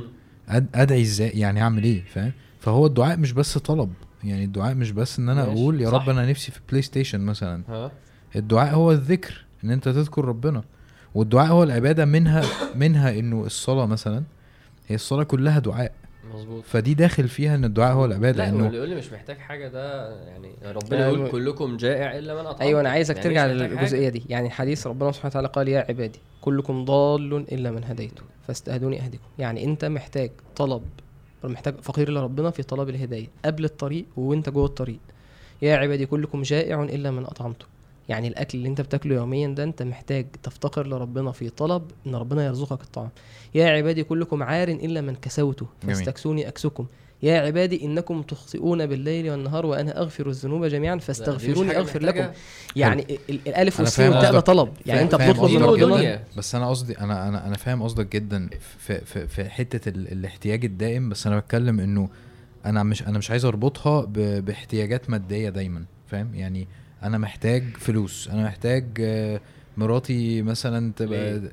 يا إيه ليه أنا قصدي قصدي إن ناس ممكن, اربطها باحتياجات مادية ممكن تعمل ده بس دينية ومادية و... كل حاجة. ودين ودنيا يا رب محتاج حاجات شسع عند النعم. الموت محتاج حاجات في يعني الآخرة، يعني لو حاجات في الفلوس لو الجزمه بتاعتك في النبي عليه الصلاة. والسلام النبي عليه الصلاة والسلام كان بيعل- بيعلم الصحابة نسال ربنا سبحانه وتعالى كل شيء حتى شسع النعل يعني لو عزك الله الجزمة بتاعتك اتقطعت قول له يا رب يا رب صلح لي ال- يا رب ارزقني حذاء ارزقني جزمة جميل جدا ومن من, يعني- من البوستات المشهورة بتاعت دكتور محمد علي يوسف اللي هو إزاي أدعي كتير في عرفة مم. كان إن هو بس بيفتح أفكار أنت محتاج إيه ومقسمهم كده عامل بوست كده كأنه حلو آه والله. شاء الله لا لا لا وبتاع قد كده وادعي لاحتياجاتك في كذا وادعي. ولو جبت ورقة وقلم قعدت تكتب هت بس ده أنا مش بقوله عشان إيه اللي يخلينا ندعي زي الناس دي أنا مزود عليها الحتة بتاعت أنت لازم تسيستم نفسك إن أنا لازم أدعي أصلا أنا عبد لقيت ماشي. حاجة بقى ما لقيتش حاجة عشان أنت مغيب ومش كويس فاهم. الحاجات اللي أنت اسأل محتاجها العافية حتى لو أنت أنت لازم. لو أنت ما عندكش عندك لازم كل حاجة نفسي على انه عبد العافية. والعبد لازم يدعي والله يغضب على ما بيدعيش وإنه ال- الله لا يعبأ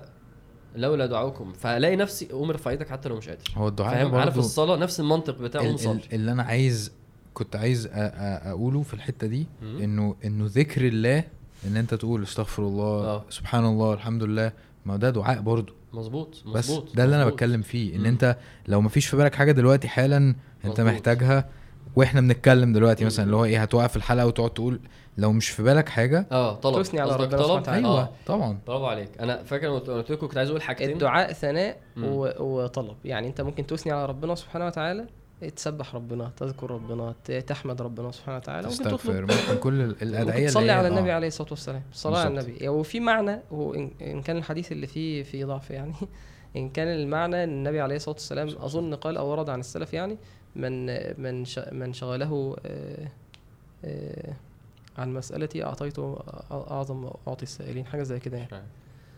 آه، ماشي أفتكر المعنى إن شاء الله لما أنا قلت لكم عايز أقول حاجتين دي كانت. الحاجة التانية كويس كويس كويس. إيه هي؟ آه تمام.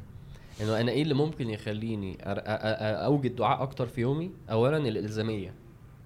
الإلزامية أنا أنا كل أنا في في لازم أقعد ادعي خمس دقائق في اليوم لازم ادعي يعني فاهم؟ الحاجة الثانية إن من أنا بحس- شغله القرآن عن ذكري ومسألتي أعطيته أفضل ما أعطي السائلين ماشي. حديث في السنة. إن حديث أنا ضعيف دول آه آسف. كمل. لا عادي. عادي. قول لنا برضو عشان نبقى فاهمين. أنا أول مرة أسمعه يعني. بس أنا لسه سامع إن هو ضعيف برضه ما أعرفش بس مش مشكلة. أنت. بقيت يا حازم؟ محدث. آه، في ال- في محدث. في سنة الترمذي ضعيف. ال- الرب عز وجل قال من شغله القرآن عن ذكري ومسألتي أعطيته أفضل ما أعطي السائلين وفضل كلام الله على سائر الكلام كفضل الله على خلقه. حديث ضعيف. حسن غريب ضعفه ماشي. الشيخ الألباني ماشي ماشي. اتفضل. آه، والشيخ والشيخ حازم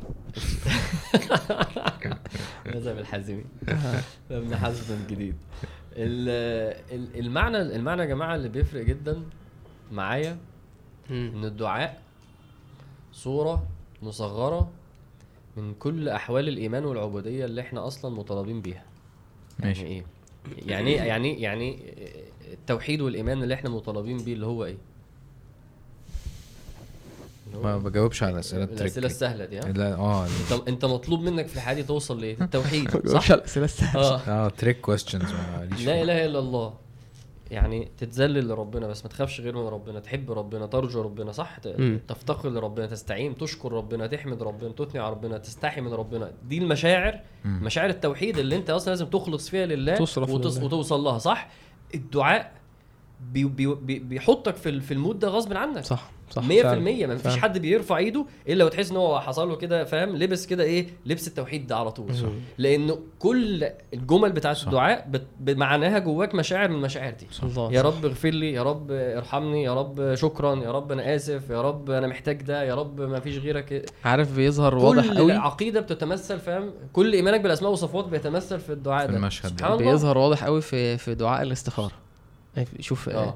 اللهم إني أستخيرك بعلمك وأستقدرك بقدرتك وأسألك من فضلك العظيم فإنك تقدر ولا أقدر. يا رب أنت تقدر وأنا إيه؟ أنا مم. عجز وتعلم ولا أعلم وأنت على كل شيء قدير. اللهم إن كان هذا الأمر واسام الأمر. دعاء الاستخارة ده في ال ال ال الدباجه بتاعته قبل ما تدعي قبل ما تستخير. استخير يعني أنت الألف والسين والتاء ده طلب. طلب إن ربنا سبحانه وتعالى يوفقك للاختيار الصح. فانت قبل ما قبل ما تدعي لأن أنا ما أعرفش أنا جاهل أنا ممكن أبقى شايف الحاجة دي حلوة جدا ليا وهتنفعني قوي.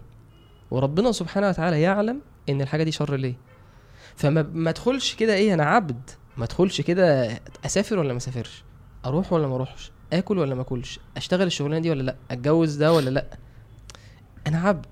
فبقوم نازل درجة إيه العبودية دي. أقول يا رب أنا ما أعرفش. يا رب علمني. أستخيرك بعلمك. فده ده المعنى اللي بتتكلم فيه. يعني سبحان الله. ال- اللي أنا اللي أنا قصدي عليه لما أنا ألاقي نفسي مش بدعي كتير أقول لنفسي قوم ادعي عشان أنت لازم تدعي. دي, دي, دي عبودية مطلوبة منك. وأقول لنفسي قوم ادعي عشان تستشعر مشاعر التوحيد اللي هي ما فيش حد بيدعي. يعني قوم كده بعد جلسة الدعاء أنت اتضايقت من الشوية دول ولا اتبسطت ما. ينفعش تبقى اتضايقت. يعني ممكن ممكن ممكن أنا أنا ما خشعش في الصلاة والصلاة تقيلة عليا. أنا صليت قيام ورا حد بس أنا مش مش حاسس بال مثلا بيتقري بس لو قمت على ثلاث دقايق أنا متلذذ لأن مشاعر التوحيد هي مشاعر الفطرة فأنا مبسوط بيها. فأنا لما أقول لنفسي لا أنت كتر من ده دي الدوافع اللي أنا ب ب ب ب ب ب بقولها لنفسي فعلا. قوم استشعر النبي صلى الله عليه وسلم الله. اللهم لك الحمد أنت نور السماوات والأرض. ولك الحمد أنت قيوم السماوات والأرض. هو بيع هو مشاعر التوحيد بتطلع. ودي لذة. أنت لما تقول الدعاء ده بتتلذذ. النبي صلى الله عليه وسلم برضو الدعاء اللي هو آه اللهم لا قابض لما بسطت ولا باسط لما قبضت ولا مقرب لما بعدت ولا مبعد.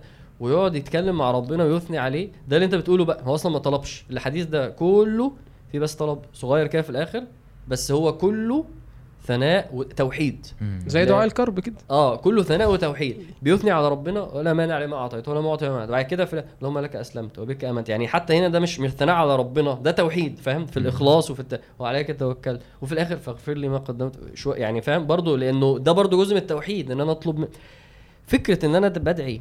فلما بدعي بتمثل بمشاعر الإيمان اللي أنا مش عارف أجيبها في أصلا في العبادات التانية.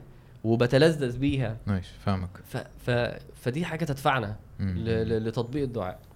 طيب ننقل على ال- ننقل على ال- على الكلكيعة بقى الكبيرة بتاعت أنا جربت موضوع الدعاء ال- ده. المعنى ده بس قبل ما مم. ننقل. كان النبي صلى الله عليه وسلم. معلش معلش فالحديث فتح قدامي كان النبي صلى الله عليه وسلم يدعو عند الكرب. يدعو عند الكرب. لا إله إلا الله العظيم الحليم. لا إله إلا الله رب السماوات والأرض رب العرش العظيم.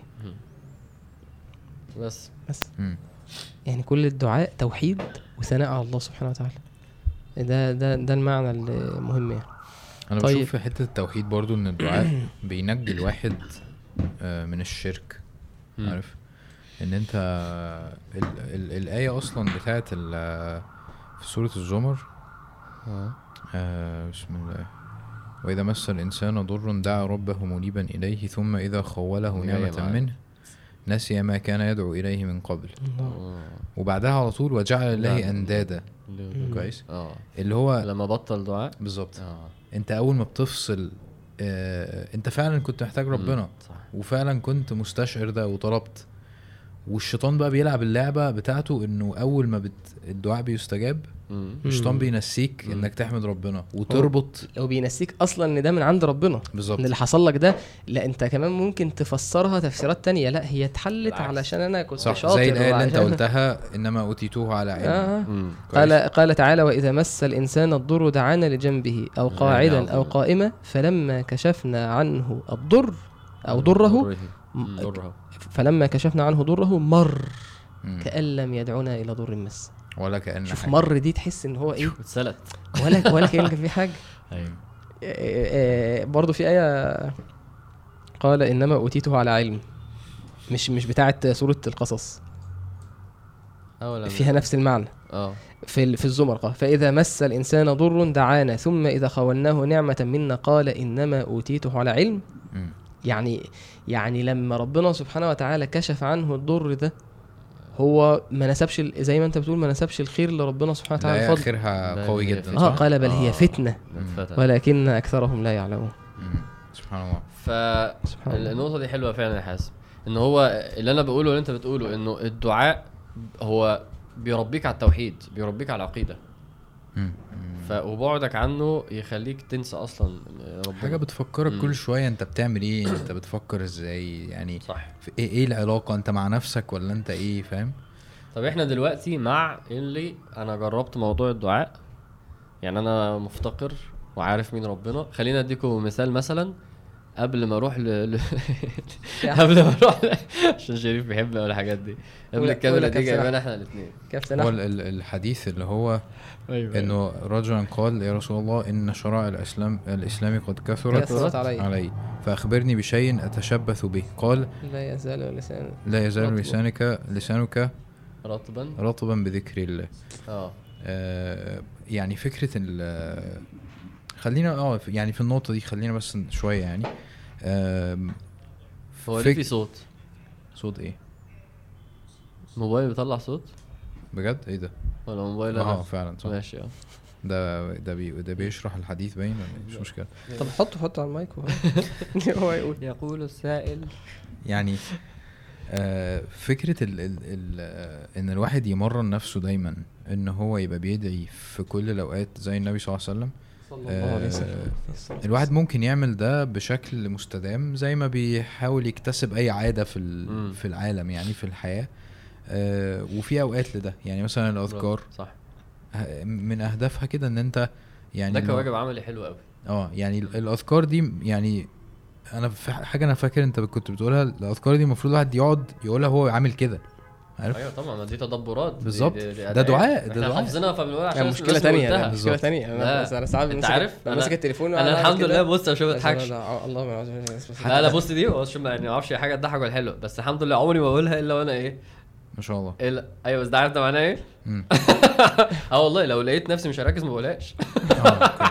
عارف. والله بص أنا أنا بقول أنا بقول لنفسي ده غلط بس أنا عارف إن أنا لو اتسلبت واتعودت عليها هقولها حتى لو- إيه ده يا عم ده أنا بسمع حتى يا عم لو غلط يا بتقولها جماعة. كده حتى لو بتقولها وانت أنا أنا. بحس إن أنا أنا بحس إن أنا بقول انت أنت كذاب على فكرة يعني أنت بتقول إيه؟ اللهم هم أنت ربي بالي. اللهم أنت ربي لا إله إلا أنت خلقتني وأنا عبدك وأنا على عهد وأنت مش مش أصلا مش مركز وأنا على عهدك وعدك ما استطعت. اقف كذاب كذاب. يعني أنت دلوقتي بتكذب. أنا مش قادر دلوقتي آه، قصدك صح؟ لا أنت تقول وأنا على عهدك ووعدك ما استطعت. ما هو أنا مش مستطيع دلوقتي أنت يعني لا فاهم يعني انت. أنت مش على عهد ولا على ولا, ولا أنت ما بتعملش حاجة. أيوه أنت بس ربنا أنت بقى أصلا مش سامع. ما هو التعامل التعامل مع ربنا سبحانه وتعالى آه، إنه الدعاء ده هيحفظني حتى لو أنا يعني ما هو في ناس ما بتفهمش هي بتقول إيه ناس أجانب فاهم أيوه لا وأنا بقول أنا ما بقولش إن أنا صح بس أنا بقول لكم إن أنا أيوة، أيوة. بقول لنفسي أنا مش هقولها إلا لو أو أيوة، أيوة، لأن لأن ان الله لا يستجيب من قلب الله غافل صح حتى لو صلى الله عليه وسلم قال كده. حتى لو أنت بتقول الأذكار وأنت مش مركز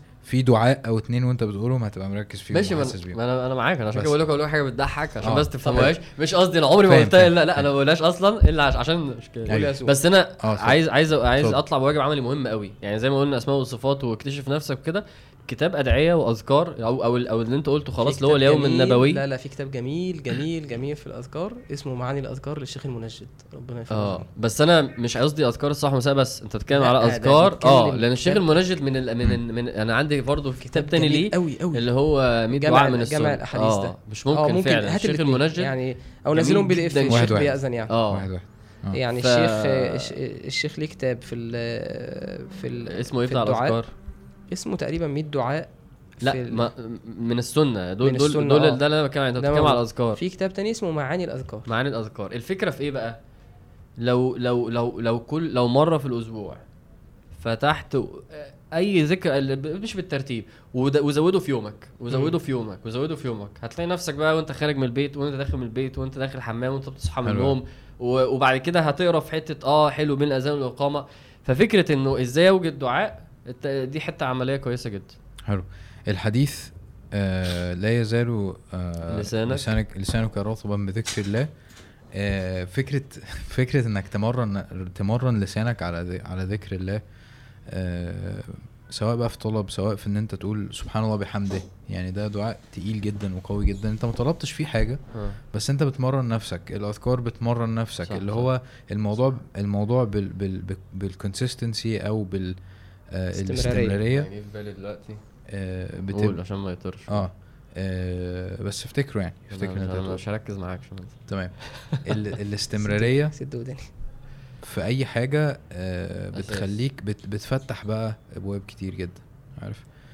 آه أنا نسيت. بقى كنت أقول إيه فأنت أنا افتكرت. لا أصل النبي صلى الله عليه وسلم في أحد الادعيه اللي هو لما بيصحى من النوم كان بيقول إيه؟ الحمد لله لا، الذي لا، أحيانا. آسف، هو بينام. آه باسمك ربي. باسمك ربي. وضعت جنبي وبك أرفعه. دي لل- للشخص الأولاني اللي هو اللي شايف نفسه ده. يا رب النبي عليه الصلاه بيقول لربنا باسمك بيك يا رب باسمك يا رب. وضعت جنبي وبك ارفع أنا أقوم من السرير ده يا رب بيك. يا خبر أبيض. لا لا بص انت التامل في التامل في دعوات النبي عليه الصلاة والسلام للدرجة دي؟ مش طبيعي. النبي صلى الله عليه وسلم آه، الحمد لله الذي عافاني في جسدي ورد علي روحي وأذن لي بذكره. آه. يعني إن أنا أصلا بقول الذكر ده دلوقتي الله، إن ربنا الله. سبحانه وتعالى هو اللي وفقني لده. في حديث سبحان النبي صلى الله عليه وسلم لا لا تأمل دعوات النبي عليه آه. الصلاة والسلام يفتح لك باب عجيب من من أحوال النبي عليه الصلاة والسلام في العبادة. تعالوا في- آه، تعالوا ناخد الشخص اللي, سبحان اللي الله. آه فاضل. ننقل يلا لأنه الشخص اللي فاضل إحنا ده الشخص كتير على فكرة. اللي آه اللي جرب في الدعاء. عايزين نقسم؟ عايزين ن... ن... ن... إحنا طولنا؟ لا لا عادي نكمل إن شاء الله أصلا كل إحنا حلقة. آه، متأكدين؟ قلبك. ميت قلبك الله. خلاص. نزل حلقة ساعتين الساعة خلاص. 9 10 لا يلا توكل على الله. طيب إن هو الشخص اللي اللي بقول لكم بقى زي أنا مثلا إيه يوم قبل ما أروح لكشف الدكتور ال- العملية فاهم؟ اللي هو أنا عندي صليب ولا ما عنديش؟ مفتقر يا جدعان أقسم بالله مفتقر يعني. ما فيش حاجة أقدر أعملها غير دعاء مفتقر جدا. وعارف ربنا جدا ماشي؟ ودعيت ودعيت بحرقه والحمد لله يعني. وفي الآخر عادي عندك صليب يعني, يعني. هتعمل عملية وست شهور نفس. فالشخص ده اللي هو يقول لك أنا دعيت وما بيحصلش. آه، أول أول أول حاجة لازم نقولها له إحنا قلناها خلاص إنه لا أنت دعيت ساعات وحصل بس أنت ما بتشوفش وبتنسى. دي أول حاجة. بس في حاجات أنا قلتها لسه مدي مثال هو حالا ما حصلتش فعلا. يعني آه، كان نفسي ما يبقاش وطلع عندي. فأنا عايز أقول لا أنا حاجة- عايز بس أقول قبل ما تقول دي ها. آية الشيخ عمرو قال لي فيها قراءة تانية. ها. بصراحة ادي. جامد يا شيخ عمرو. آه، عارف سورة إبراهيم آه، الآية بتاعته وآتاكم من كل ما سألتموه. آه. الحمد لله قريت الحتة وآتاكم من كل ما سألتموه. وإن تعدوا نعمة الله لا تحصوها هو أصلا المقطع ده بصراحة في سورة إبراهيم بي بي يعني لكم بيبهدلني. لكم سخر آه، لكم قبلها لكم. الآيات قال تعالى الله الذي خلق السماوات والأرض وأنزل من السماء ماء فأخرج به من الثمرات رزقا لكم. وسخر لكم الفلك لتجري في البحر بأمره. وسخر لكم الأنهار. شوف كم لكم دي. وسخر لكم الشمس والقمر دائبين. وسخر لكم الليل والنهار. وآتاكم من كل ما سألتموه. في قراءة بقى الشيخ قال لي عليها صراحة. عجيبة. وآتاكم من كل ما سألتموه. ما سالتوش أصلا. أيوه. أنت ما سألتش ما. طلبتش. ربنا. رزقك حاجات كتير جدا. من تسخير ال- الكون وحاجات في حياتك أصلا. أنت ما سألتش.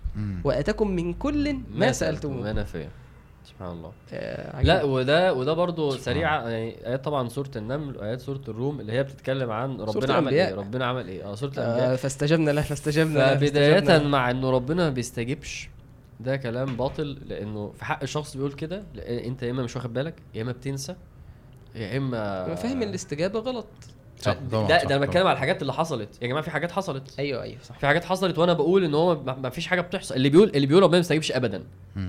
إنما اللي بيقول ربنا ما بيستجيبش في حاجات زي مثلا المثال اللي أنا اديته ده لو واحد مثلا قال طب أنا دعيته وطلع برضو عندي المرض ده. الآية أقول لك. حاجة معلش. أنا ساعات ساعات بخاف وأنا بدعي إن ربنا يستجيب لل... للحاجة ها؟ من كتر ما أنا قلقان إن هي تبقى مش حلوة ليا أنت فاهم؟ يعني اللي هو يا رب مثلا فاهم؟ أي حاجة يعني مش أنا فاهم مش متأكد قوي صح صح فاهم قصدي؟ فاهم قصدي؟ من, من كتر ما أنا متأكد إنه يا ريت. بس ده- أنا كنت. بادئ بحرقه. يا رب. روح عند الدكتور يا رب. بلاقي نفسي كتير بروح إيه؟ جاي مخلص الدعاء اللي هو إيه؟ آه، آه، لو ترى في ذلك خيرا مثلا. آه. اللي هو أنا مش مش فارق معايا ده من قوي الأدب يعني؟ سبحان الله يعني. آه. يعني مش آه. ال ال دايما دي نقطة معلش بس أنا نفسي أقول الحتة اللي ده ها لأن في ناس يا حازم يا جدعان شايفين يا ناس جماعة؟ شايفين؟ في ناس يا حازم معلش بس رد على لا، كلام لا، حازم. لا. قبل ما تنقل بس. إيه في ناس في ناس بتد إيه مثلا ممكن واحدة يعني من الحاجات الغريبة برضو برضو مرة واحدة بعت رسالة بتقول له إيه بتدعي بتقول إيه يا رب يا رب أصاحب فلان. ماشي أو يا رب أتجوز فلان. يا آه. رب لو مش من نصيبي خليه من نصيبي لو واتجوز ما فلان. فيهوش خير وخليه خير. لو ما فيهوش خير خليه خير. ده من التعدي في الدعاء. قال إيه؟ ربكم ادعوني أستجب لكم. أو قال آه، التعدي في الدعاء أي آية اللي جت فيها آه، ادعوا ربكم تضرعا وخفية أه. وخيفة. لا آه، ولا تعتدوا. آه ماشي. في اي إيه ولا تعتدوا لا تضرعا وخفيا إنه لا يحب المعتدين. إنه لا يحب المعتدين. أيوه الله يفتح عليك يا مولانا لله. التعدي في الدعاء إن أنت تتعدى ب- بسوء أدب وأنت بتسأل السؤال. يعني لو ما فيهاش خير خليها فيها خير. يا رب ارزقني في فلان ده. لأ انت لما تدعي من الأدب إن أنت تبقى مفتقر. أنا ما أعرفش. يا لو رب لو لا ولو ما فيهاش خير رضي يعني أرضى. هو ده آه. إيه إيه اللهم إن كان في هذا الأمر خيرا لي في ديني ودنياي وعاقبة أمري فاقدره لي. ويسره النبي لي وبارك لي فيه. قال إيه؟ وإن كان شرا كنت تعلم أن هذا الأمر شرا لي في ديني ومعاشي وعاقبة امري فاصرفه عن عني واصرفني عنه. واصرفني عنه. يعني وردني- متعلق بيه. ثم. ردني به. واخلف آه آه بالظبط النبي صح صلى الله عليه وسلم اللي هو اللهم صح. من الخير كله. عاجل واجل ما علمت منه ما لم اعلم ما علمته. آه لا طبعا. ما علمت ما علمت منه وما شفت بقى إن إحنا مش علماء؟ مين اللي عالم طلع طلع كده عايز عايز. أعرف. لا. لا لا مش مش حاسسها يا شريف. مش حاسسها بحكم خبرتي في العلم وكده. طيب. أنا عايز أطلع غلط أهو. الفكرة بس في إيه؟ أنت عارف أنا بقول الحديث ده؟ أنا بقول لربنا أنا عايز الخير اللي دلوقتي واللي بعدين اللي أنا أعرفه واللي أنا ما أعرفوش. أنا ساعات بقول إيه؟ طب افرض آه، طب والشر أعوذ بك من الشر. ما ما أنا ساعات بقول إيه؟ طب ده أنت كده ممكن تبقى بتتكلم في حاجة أنت عايزها أصلا. أنت كده بتقول له بعيدها. آه، أيوه. ما أنا أنا مش عارف مش, مش عارف إيه الحوار. أيوه أيوه, أيوه. أنت صح. أنا مش حاسسها بحكم اللغة العربية آه، ما يعني علي ما أنا أنا فهمت إن أقصد ربنا سبحانه وتعالى. يبقى مين العالم؟ ما هو ربنا مين العالم فينا؟ فهمت طبعا. أنا أنا معترف إن أنا جاهل طيب ماشي. الحمد ما علمت منه وما لم. ماشي. جزاكم الله خير. آه حلو. فتح الله عليكم. خش بقى يا عم في آه، الحل ممكن ما أنتوا مش عايزين بقى. أنا آه. قلت أستناكم reverse psychology تقولوا لي أنتوا. مم. إنه دايما دروس الدعاء تتكلم عن ربنا وقدرته والكلام اللي إحنا قلنا لحد هنا ممكن يكون بيتقال. وبعد كده تخش في حتة شروط الدعاء. أيوه. فيتقال شروط الدعاء إيه؟ اللي هو ما لم يعجل ما يقعدش يستعجل بقى ويقول فين بقى؟ مثلا وإن الله لا يستجيب من قلب الله غافل. والحديث بتاع. مطعمه وشراب آه الأكل حلال. وبعد كده ما بيتقالش شرط. أنا شايفه هو أم الشروط. ماشي. أم يعني أول الشروط أصل الشروط. اللي ربنا قاله وبت... وبتتقال الآية دي بس ما بتتقالش بالمنظور ده. وإذا سألك عبادي عني فإني قريب أجيب دعوة الداعي إذا دعان فليستجيبوا لي. يعملوا بقى اللي أنا ف يعني ها ف ف ف دي الفاء ف آه تعقيبية. فليستجيبوا لي وليؤمنوا بي. ما هو أنت لازم تستجيب حلو. عشان ربنا يستجيب. والبداية دايما على العبد دي حاجة معروفة. البداية على العبد عليك البداية وعليه التمام. مم. في إنه لازم أصل الموضوع إن أنت يعني أنت لازم تعبد عشان ربنا يديك. وده بقى في الآيات ما تفكرش في في ال- في المفهوم ده لأنه هو متأصل موجود يعني في كلام السلف. إن هو اكتب عليك البداية وعليها التمام هتلاقي التأصيل. إن هو إن هو إياك نعبد وإياك نستعين. آه، البداية على العبد. فأنت إحنا حالنا مع ربنا أنا أنا أنا ما بسمعش الكلام أنا مش برضيه أنا بعصي أنا بغضب ربنا أنا بعمل ذنوب وفي الآخر أنا عايز. العلاقة مش كده. إحنا اللي بيحصل لنا رغم ان إحنا بنقول لا إنه ساع- ساعات ربنا يستجيب لنا إلا إن هو إحنا ما بيحصلناش الاستجابة اللي أولياء ربنا بيحصل لهم أنت قلت العلاقة يعني هو ممكن يستجيب أي، بس عاملين- بس بص. بس مش هتكون علاقة لا لا لا قصدي؟ لا مش قصدي كده.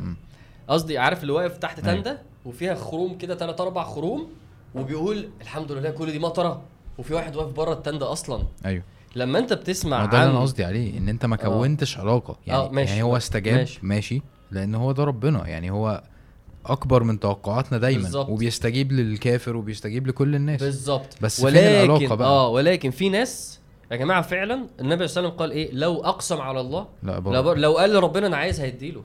صح. سيدنا سعد أقسم على ربنا لما قال إيه؟ والله لا تقتل. يعني النبي صلى الله عليه وسلم آه، كان عايز يقيم الحد فسيدنا سعد قال إيه؟ والله لا تقتل. مش بيقول النبي صلى الله عليه وسلم مش مش مش مش, مش ماشي كلامه على كلام النبي معناه مش كده. مع ان هو بيقول له رب يدعي ربنا لا يا رب الأمر ده أنا مش عايزه يحصل. وما على إيه؟ فما حصلش. لا تكسر سن الربيع. آه لا على تكسر. إيه؟ على إيه؟ إنه إنه في واحدة كان النبي صلى الله عليه وسلم هيقيم عليها حد معين عقوبة معينة. فسيدنا سعد ما كانش عايز. فعلاقته مع ربنا قويه انس انس أنس بن النضر. لا لا لا الله. أنس بن النضر. سيدنا أنس بن النضر لما إحنا جايين النهارده شفت صلحنا بعض حاجات. كويس إن إحنا بدأنا في الحوار ده. سيدنا صلحنا حديث ضعيف صلحنا سيدنا لازم أنس كل واحد كان يقع قال والله لا تكسر سن الربيع. آه. فقال الحديث في في في البخاري آه، كسرت أو كسرت الربيع وهي عمة أنس بن مالك جارية أنس. لا أنس بن النضر هو اللي بيحكي أيوه هو لا لا أنس بن أنا جارية من أنس الأنصار فطلب القوم القصاص. فأتوا النبي صلى الله عليه وسلم فأمر النبي صلى الله عليه وسلم بالقصاص فقال أنس بن النضر عن أنس بن عم أنس بن مالك عم أنس بن مالك لا والله لا تكسر سنها يا رسول الله. فقال النبي صلى الله عليه وسلم يا أنس كتاب الله القصاص السن بالسن فرضي القوم وقبلوا الأرش يعني. بعد ما كانوا عايزين إن هي تتكسر سنتها بعد ما سيدنا أنس دعا راح راحوا راجعين للنبي عليه الصلاة والسلام قالوا له خلاص إحنا سبحان الله. آه، هن- هنقبل آه، عوض. أنا بقى قال بعدها إيه؟ فقال آه، صلى الله ماشي. عليه وسلم إن من. عباد الله من لو أقسم على الله لابره آه ده الحديث نفسه. أيوه آه، ما آه. أنا استدركت كده بس أيوة، سخنت. وكده كلنا سواسية يا جماعة في العلم. إن هو إنه إنه أنت بتقرأ إنه آه، سيدنا نوح فدعا ربه اني مغلوب ففتحنا أبواب السماء بقى أنت بتقرأ ده عشان ده دي عبودية سيدنا نوح. فاستجابة الدعاء نادانا عامله كده نوح فلنعم المجيبون. بالظبط. ف وبعد كده انزل بقى ماشي؟ انزل من سيدنا نوح في أولياء يعني آه، آه، يوشع بن نون طلب من ربنا إنه الشمس ما تغيبش شوية عشان يكملوا الحرب فضلت الشمس. في في في ناس طلبت من ربنا وبتطلب وينزل بقى لتحت. اللي عايز يموت حسن خاتمة وبيطلب وبيموت. اللي عايز كذا وبك... وفي ناس عايشين بقى في زماننا دلوقتي. طبعاً، والله طبعاً، أنا. في ناس يعني هي حالها كده. يقول لي أنا بس لو عايز حاجة أنا بقى يعني مش عايز عايز أحكي قصة عن واحد مش مش هينفع. فعلا. بس هو حاله كده. و... و... وبنته بتقول له بس إحنا ما عندناش عربية. قال لها أنا لو عايز عربية أطلب من ربنا هيجيب لي عربية. حصل. قال لا طب ماشي هتشوفه. والله العظيم بيكلم بناته بيقول أنا بربي بنات. اصل هو م... هو مؤمن للدرجة دي يا جماعة. أنا هقعد أدعي ربنا بعربية. قال مفيش بعدها بكام أسبوع آه، بقى عندنا عربية. الناس دي علاقتها مع ربنا ف- يعني فاهم تؤهلها للليفل ده من الاستجابة. إحنا بقى علاقتنا إيه؟ فبتلاقي جه واحد زيي مقصر في الصلاة الصلاة فاهم؟ الصلاة في المسجد الفرض في ميعاده وفي غض البصر وأنا مش بتكلم بقى في إن هو بيبذل في الدعوة وبيبذل فاهم في العلم و... وبعد كده يقول ربنا مش بيستجيب. أيوه أنت بتاخد النقط. اللي على قدك. إنما ح- ح- حوار أنا بشوف إن الدعاء مدرسة العبودية مدرسة الالتزام من طب أنا بس يعني الكلام ده خايف إن هو ممكن أيوه. يقفل يعني مثلا إيه أنا دلوقتي لو وحش يبقى أنا بالنسبة لي باب الدعاء ده مقفول. وأنا شايف إن المعنى ده برضو من الوحي. طب ما ناخده بالعكس. أنا كنت عايزه بالعكس والله. آه أنا أنا عايز أنا عايز أنا بس. بس, بس أنا عايز اعبد هتشوف اللي هيحصل لك. كويس جدا. ماشي أنا بس عايز أقول عارف زي إيه؟ معلش. عارف زي مم. عارف الطلاب في الم... في أوقات الامتحانات بيطبقوا ده صح. أنا فاهم. إيه طب بس يصلوا يصلوا يصلوا عشان ربنا يكرمهم في الامتحانات وبينجحوا كلهم. أنا عايز الله. أتكلم مع معنى مش متعارض مش مع اللي أنت كلهم يعني. كلهم ها؟ هو بيأثر. عايز أتكلم مع في معنى مش متعارض مع اللي أنت بتقوله وبرضه النقط اللي أنت اتكلمت فيها سريعا اللي هي مسألة الاستعجال وال- والكلام ده دي, دي محتاجة دي نتكلم فيها نتكلم فيها براحتها. شوية. لكن فكرة إيه؟ إن هل ممكن سؤال سؤال. ماشي. هل ممكن أكون أنا لسه عامل ذنب دلوقتي؟ وادعي. طبعا طبعا طبعا. ينفع؟ ربنا يستجيب ممكن. عارف ليه؟ قصة سيدنا سليمان يا جماعة أصل عجيبة. الدعاء من الحاجات يعني الدعاء نفسه آه، من الحاجات اللي بتفتح عارف؟ هو الدعاء نفسه من ال... هو الدعاء هو العبادة. كويس.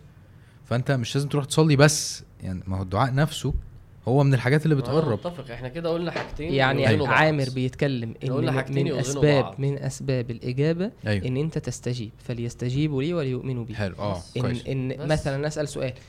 لو واحد حريص على طاعة ربنا سبحانه وتعالى وبينفذ أوامر ربنا وبيحب ربنا جدا وبيجتهد في, في رضا ربنا سبحانه وتعالى ده أولى إن ربنا سبحانه وتعالى طبعاً. يكرمه أكيد. ويحفظه ويديله. بس طبعا. احفظ الله يحفظك. احفظ الله تجده تجاهك. في الحديث الحديث ال- الولاية آه آه، قال آه، قال إن, إن الله إذا من عاد لي وليا فقد أذنته بالحرب وما تقرب إلي عبدي بشيء أحب إلي مما افترضته عليه وما يزال عبدي يتقرب إلي بالنوافل حتى أحبه فإذا ف- حت- فإذا أحببته كنت. سمعه الذي. يسمع به وبصره الذي يبصر به ويده التي يبطش بها ورجله التي يمشي بها ولئن سألني لأعطين مم. ولئن استعاذني لأعيذن. ده المعنى اللي عمر بيتكلم فيه. كويس. بالظبط. المعنى التاني اللي أنا عايز أوصله من قصص سيدنا سليمان. قال تعالى وهبنا لداود سليمان نعم العبد إنه أواب إذ عرض عليه بالعشي الصافنات الجياد. فقال إني أحببت حب الخير عن ذكر ربي حتى توارت بحجاب. أه، ردوها علي. وبعدين ربنا سبحانه وتعالى قال آه. ولقد فتنا سليمان وألقينا على كرسيه جسدا ثم أناب. على قصة تفسير الآية يعني المهم قال رب اغفر لي. يعني هو أنا دلوقتي ده إيه؟ هنا في حصل تقصير. يعني أنا دلوقتي غلطت غلطة. شوف سيدنا سليمان وقدر معرفة سيدنا سليمان بسعه رحمة الله سبحانه وتعالى. قال رب اغفر لي. مثلا امشي رب اغفر لي إنك أنت الغفور الرحيم. قال رب اغفر لي وهب لي ملكا لا ينبغي لأحد من بعدي إنك أنت الوهاب. يعني تبقى أنت غلطان. أنا يا رب لسه عامل ذنب دلوقتي؟ لسه غلطان؟ ويا رب يا رب اجعلني من حافظة القرآن. سبحان يعني أنا مش بس بطلب المغفرة ده أنا بطلب طلب تاني في حتة ثانية حتة ثانية طموح في الدعاء. طموح في الدعوة فعلاً، يعني مش فعلاً. يعني معنى هو أنا ممكن أعمل كده؟ أيوه اقتدي بسيدنا سليمان. طبعا طبعا. أنا يعني مش معنى كلامنا من إن أنت عشان من أسباب إجابة الدعاء إن الإنسان يكون ليه حال ويكون صاحب عبادة ويكون ملتزم بأمر ربنا مش معناها إن أنا لو عملت ذنب إن أنا ما أدعيش. أمال أمال مين اللي هيدعي؟ لا لا. صح. ده معناها إن إحنا لو في مرة أنا وأنا بدعي لقيت مفيش استجابة أبقى عارف إن أنا راجع نفسي. آه اصلح كويس، علاقتي مع كويس. ربنا ده. ده المعنى. ده المعنى اللي آه، ابن الجوزي كان بيتكلم اللي فيه هو آه واصلحنا له زوجة إنهم كانوا يسارعون في الخيرات ويدعوننا رغبا ورهبا وكانوا لنا خاشعين فربنا بيقول لنا ليه عملت لهم كده أنا معلش عايزين لما نيجي نختم يلا. عايز أجيب أنا- عايز أجيب كلام ابن الجوزي في الحتة دي بالذات. عشان هي هو راصص الأسباب هو كأنه بيعمل حوار إيه ماشي حوار آه. مع نفسه كده في إن مساله ربنا ما بيستجيبش إن. أنا دعيت وربنا ما آه. استجابش و... لا إحنا قلنا ب- في عجالة وابن الجوزي غالبا هيقول كل اللي إحنا قلناه أحسن ف في إنه اولا آه، لا أنت بيستجاب لك في حاجات أنت حتى لو أوحش واحد في الدنيا أنت تندع فيه في نقط عمالة تنقط بس أنت مش بتشوف رزق ربنا ليك وكرم ربنا ونعم ربنا عليك لا في في استجابة عمالة تحصل لك في حاجات ما بيحصلهاش استجابة مم. ممكن يبقى أحد أسبابها اللي أنا بقوله إنه فليستجيبوا لي إنه إنه يعني سبحان الله بحب أحس ربنا بيربيني تعال عشان أديك حاجات معينة. صح. التزم اعبد استقيم عشان أديك حاجات معينة. إنه الاستقامة جزء من عطاء جزء من فتوحات ربنا على العبد في الآخرة وأكيد بقى في الدنيا. فقلت استغفروا ربكم إنه كان غفارا يرسل السماء عليكم مدرارا يمددكم دايما الع- العبادة مرتبطة بال- بالفتوحات بتاعت ربنا وعطاء ربنا في الدنيا. في في, في سورة هود إنه آه، آه، آه، في سورة هود الآية بتقول إيه؟ فاستغفروه ثم توبوا إليه. لا اولها إيه؟ أي أي معلش ما كنتش مركز ما. أنا في الأول خالص. آه، فالمعنى المعنى واحد. المعنى واحد. آه بالظبط. استغفروا ربكم ثم توبوا إليه يمتعكم متاعا حسنا إلى أجل مسمى ويؤتي كل ذي فضل فضله. فده ده حاجة لازم أقف معاها دايما. ومن الآخر بحس ربنا بي- بيربيني بده أنت عايز دي؟ طب طب اظبط علاقتك بيها الفترة دي واديها لك.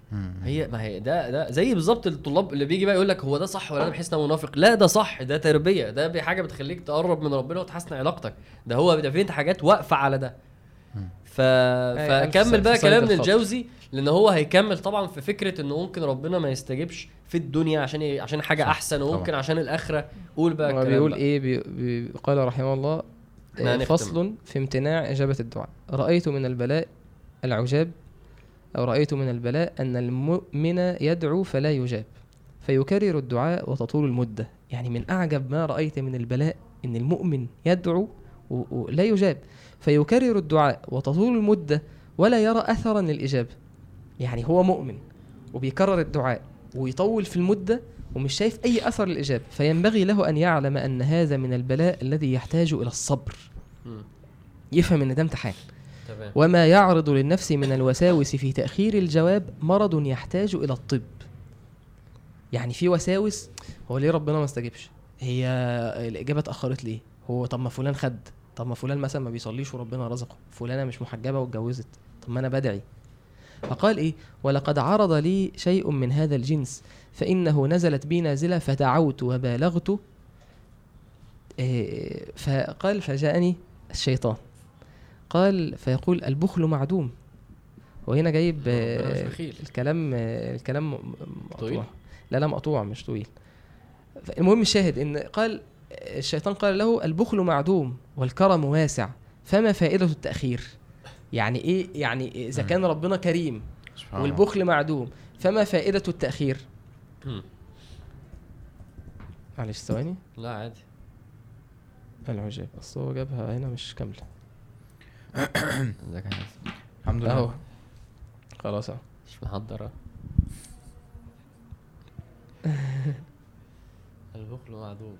أنا عندي كام آه، حاجة. تانية عايز اقولها فانا مش عارف أنتوا خططكم عاملة إزاي. إحنا هنختم بكلام الجوز آه ماشي. أنا كنت عايز اختم الصراحة بكام دعاء من أدعية الأنبياء.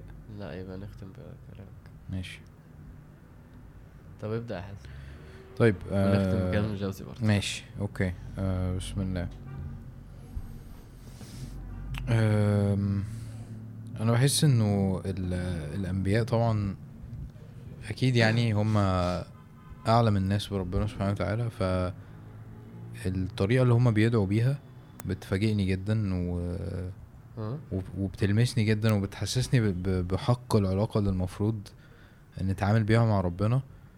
آه وفعلا فعلا تحس إن هما وهم بيدعوا هم فعلا بيحبوا ربنا. قبل أي حاجة. اللي هو أنا مش عايز حاجة أنا بس بحب ربنا عارف؟ آه في آه الدعاء بتاع سيدنا آدم. آه معانا شريف؟ معاك قول ربنا ظلمنا أنفسنا وإن لم تغفر لنا وترحمنا لنكونن من الخاسرين. ده الدعاء اللي سيدنا آدم قاله لما آه، ربنا سبحانه وتعالى نزله من الجنة. من الشجر آه. مم. آه آه آه، دعاء سيدنا إبراهيم. رب اجع- رب اجعلني مقيم الصلاة ومن ذريتي. ربنا وتقبل دعاء ربنا اغفر لي ولوالدي وللمؤمنين يوم يقوم الحساب. آه ربي هب لي حكما وألحقني بالصالحين. واجعل لي لسان صدق صدق في الآخرين. واجعلني من ورثة ورثة جنة نعيم. ده سيدنا إبراهيم برضه. آه، الدعاء اللي أنا بحبه جدا جدا. لا إله إلا أنت سبحانك إني كنت من الظالمين. ال- الدعاء ده فعلا الواحد لو يستحضر آه، الموقف بتاع سيدنا يونس. وهو في الحوت و... وإنه بعد كده جه إن ربنا إيه آه ربنا نجاه بعد الدعاء ده. أنا بقعد أستحضره كده في مواقف مضحكة يعني اللي هو مثلا في المرور مثلا وقاعد هموت مثلا ولا بتاع وبقعد أقول الدعاء ده وبستحضر فيه إن أنا يا رب أنا كأن كان أنا في حوت دلوقتي جوه فاهم؟ مش قادر فاهم؟ آه إسقاط الأدعية دي آه اللي هو مثلا لو واحد مذنب جامد جدا مثلا وفعلا مش عارف يعمل إيه وحاسس إن هو مفيش سبيل يعني هو عصى ربنا يعني بطريقة كبيرة جدا. ربنا ظلمنا أنفسنا وإن لم تغفر لنا وترحمنا لنكونن من الخاسرين. يعني ممكن و... تقصد إن مثلا ممكن ناخد واجب عملي من ده إن الإنسان يتأمل يتدبر يجمع كده ختمة فيها دعوات الأنبياء من طبعا. القرآن. والمواقف جت فين؟ وإحنا أصلا كويس. لو لو لو ربطنا ده باللي إحنا قلناه بتاع كتاب الأدعية هو أكيد جايب دول. جايب دول. كلهم أكيد. أنا بس عليهم كده. نكمل سريعا كده لا، كلام. آه ابن يعني الجوزي لا لا قولها. كده وخد وقتك تاني عشان كده، إحنا نختم بيها. آه، بقى قال إيه؟ آه. قال آه، قال وعن الحكمة في التأخير في تأخير الإجابة عن بعض الداعين يقول ابن الجوزي رحمه الله. آه. رأيت من البلاء العجاب أن المؤمن يدعو فلا يجاب. فيكرر الدعاء وتطول المدة ولا يرى أثرا للإجابة. انت هتقرا من الأول ولا؟ فينبغي له لا. أن يعلم أن هذا من البلاء الذي يحتاج إلى الصبر. وما يعرض للنفس من الوساوس في تأخير الجواب مرض يحتاج إلى الطب. ولقد عرض لي من هذا الجنس فإنه نزلت بي نازلة. فدعوت وبالغت فلم أرى الإجابة. فأخذ إبليس يجول في حلبات كيده. بدأ الشيطان بقى إيه؟ يشتغلني.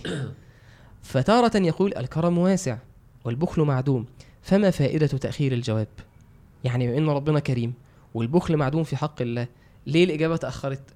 قال فقلت له اخسأ يا لعين فما أحتاج إلى تقاض ولا أرضاك وكيلا يعني طرد الشيطان بالاستعاذة. قال ثم عدت إلى نفسي فقلت إياك ومساكنة وسوسته ما تسمعيش كلامه. فإنه لو لم يكن في تأخير الإجابة إلا أن يبلوك في محاربة العدو لكفى في الحكمة يعني لو مفيش حكمة من تأخير الإجابة إن الشيطان يتسلط عليا ويوسوس لي ويخليني أسيء الظن في الله فأنا أدفعه وأستعيذ بالله آه كفى في الحكمة هي دي الإجابة مثلا يعني لو يعني بس كده لو كويس. ما فيش فاهم- فاهم- من فاهم. تأخير الإجابة ماشي. غير الحكمة إن أيوة. الشيطان يجي لي وأنا أستعيذ بالله وأكسب في المعركة دي وربنا يديني الأجر فدي من الحكم حلو. شوف ال... ال- مم. الناس دي يعني لا في حتة تانية خالص. قالت نفسه بقى بتقول له فسلني عن تأخير الإجابة في مثل هذه النزيله طب يعني قول لي أي حاجة كده إيه؟ صبرني. وكل ده بيكلم نفسه. قال فقلت قد ثبت بالبرهان أن الله عز وجل مالك وللمالك التصرف بالمنع والعطاء. فلا وجه للاعتراض عليه. يعني مبدئيا كده عايز يقول إيه؟ أصلا أنت مالكش إن أنت تقول يا رب أنت اديتني ليه وما اديتنيش ليه. جميل لأن جدا أنت عبد. حلو. هو ربنا سبحانه وتعالى مالك والمالك له الحق في المنع والعطاء. حلو. لا يسأل عما يفعل. يعني لو منعك حاجة هي أصلا مش من حقك. إن. أنت هو أنت ما استوجبتش على ربنا إن هو يعطيك حاجة. أنت عبد. لو أعطاك حاجة فده تفضل ومن من ربنا سبحانه وتعالى. ده مبدئيا. فهو سكت كده النفس وبعدين قال إيه؟ والثاني أنه قد ثبتت حكمته بالأدلة القاطعة. فربما رايت الشيء مصلحة. انت شايفة إن الأمر ده حلو ليك والحق أن الحكمة لا تقتضيه. يعني أنت ثبت عندك في في ال- ال- المحكم عندك إن ربنا عليم حكيم. فممكن تبقى أنت شايفه إن أنا جهول ممكن أبقى شايفها حلوة بس ربنا بمقتضى حكمته يرى إن دي إيه؟ لا مش حلوة ليك. قال وقد يخفى وجه الحكمة فيما يفعله الطبيب من أشياء تؤذي في الظاهر. يقصد بها المصلحة فلعل هذا من ذاك. ثالث حاجة إيه؟ قال والثالث أنه قد يكون التأخير مصلحة والاستعجال مضرة وقد قال النبي صلى الله عليه وسلم لا يزال العبد في خير ما لم يستعجل يقول دعوت فلم يستجب لي هي إن أنت ممكن لو جات لك دلوقتي مش حلو. فتتأخر شوية. فالمشكلة إن هو يدعي يقول دعوت دعوت ودعوت فلم أرى يستجيب لي. فيستحسر عند ذلك ييأس ويدع الدعاء. الرابع بقى إيه قال أنه قد يكون امتناع الإجابة لآفة فيك. دي النقطة اللي كان عامر بيتكلم فيها. فربما يكون في مأكولك شبهة. مش النبي عليه الصلاة والسلام قال وذكر الرجل يطيل السفر أشعث أغبر يمد يديه إلى السماء يقول يا رب يا رب. يعني عنده أسباب مجتمعة من أسباب الإجابة. متبهدل وبيدعي ورافع إيده للسماء وبيتوسل إلى الله. قال ومأكله حرام ومطعمه حرام ومشربه حرام وغذي بالحرام. فأنا يستجاب لذلك. سبحان الله. يعني هو متوقع إن ربنا يستجيب له على أي أساس لأنه بياكل حرام. فقال أو شبهه في قلبك وقت الدعاء في غفلة. لا قال واعلموا أن الله إذا آه، ادعوا الله وأنتم موقنون بالإجابة واعلموا أن الله لا يستجيب دعاء من قلب غافل له. يعني بيدعي وهو لاهي أصلا. قال أو تزاد عقوبتك في منع حاجتك لذنب ما صدقت في التوبة منه. يعني تحرم بسبب الذنب وإن العبد لا يحرم الرزق بالذنب يصيبه. قال فابحثي عن بعض هذه الأسباب لعلك توقنين بالمقصود. ممكن بقى نزود على كلامه؟ هو لسه لسه لسه خامس؟ خامس والسادس. قال إنه ينبغي أن يقع البحث عن مقصودك بهذا المطلوب. أنت أصلا بتدعي بالطلب ده ليه يعني إيه نيتك فيه؟ عايز إيه؟ ممكن تكون بتدعي أصلا باثم فربما كان في حصوله زيادة اثم واحد. بيدعي هو يا رب صاحب فلان. يا رب صاحب فلان. هو دي أصلا دعوة ده غلط ما ينفعش. أنت بتدعي بده حاجة حرام. وتقول ربنا ما بيستجيبش ليه. أو بتدعي حاجة الحاجة دي لو جات لك أنت هتستعملها في المعصية. يا رب يا رب أبقى أبقى مغني مشهور وأبقى مش عارف. ما هو ما هو من رحمة ربنا بيك إن صح. ربنا ما يستجيبش الدعوة دي. آه. صح. أو أم بتدعي على ولدها وده النبي صلى الله عليه وسلم قاله إن آه. ربنا ما يستجيبش ال- ال- الإثم ال- أو قطيعة رحم آه. فقال والخامس أنه ينبغي أن يقع البحث عن مقصودك بهذا المطلوب فربما كان في حصول زيادة اسم زيادة اسم أو تأخير عن مرتبة خير فكان المنع أصلح. مم. والسادس أنه ربما كان فقد ما تفتقدينه دي خطيره سببا للوقوف على الباب واللجء وحصوله سببا للاشتغال عن المسؤول. نأخر مسألة عبدي. يعني يعني الإجابة تتأخر علشان تقف على باب العبودية وتسال لأن لما بيجيلك الحال الحاصل ان لما بيجيلك الإجابة بتنسى. كان لم يدعونا إلى بتنسى. فبيقول ده بعض الأسباب اللي, اللي إيه فيه هزود عليها. الإجابة. عليه هتزود وسلم. على ابن خلاص. ما ما شوف أنا قلت إيه دلوقتي. خلاص. أعمل إيه طيب؟ هتزود على طب. أعمل إيه طيب؟ عادي جل من لا يسهو ماشي. آه، ربنا يا عم يجمعنا بيه في الجنة. إنه النبي صلى الله عليه وسلم قال يدخراه له في الآخر أيوه احسنت حتة حتة بقول لك الله عليه زودت بحديث يعني مش حاجة من- مش حاجة نطح بعض آه. بالظبط مش ولا حاجة من دماغي. أيوه إن الدعوة ليها ثلاث اتجاهات. آه يود أهل العافية لما يروا أهل البلاء أهل البلاء يوم القيامة ويشوفوا ثوابهم ويشوفوا إن ربنا أخر لهم ده وادخر لهم حاجة في الآخرة. يودوا لو إيه لو قرضوا بالمقاريض لو كنا يا رب كنت سيبنا نتقطع في الدنيا بس ناخد اللي بياخدوه دلوقتي. فربنا ممكن يدخر في الآخر.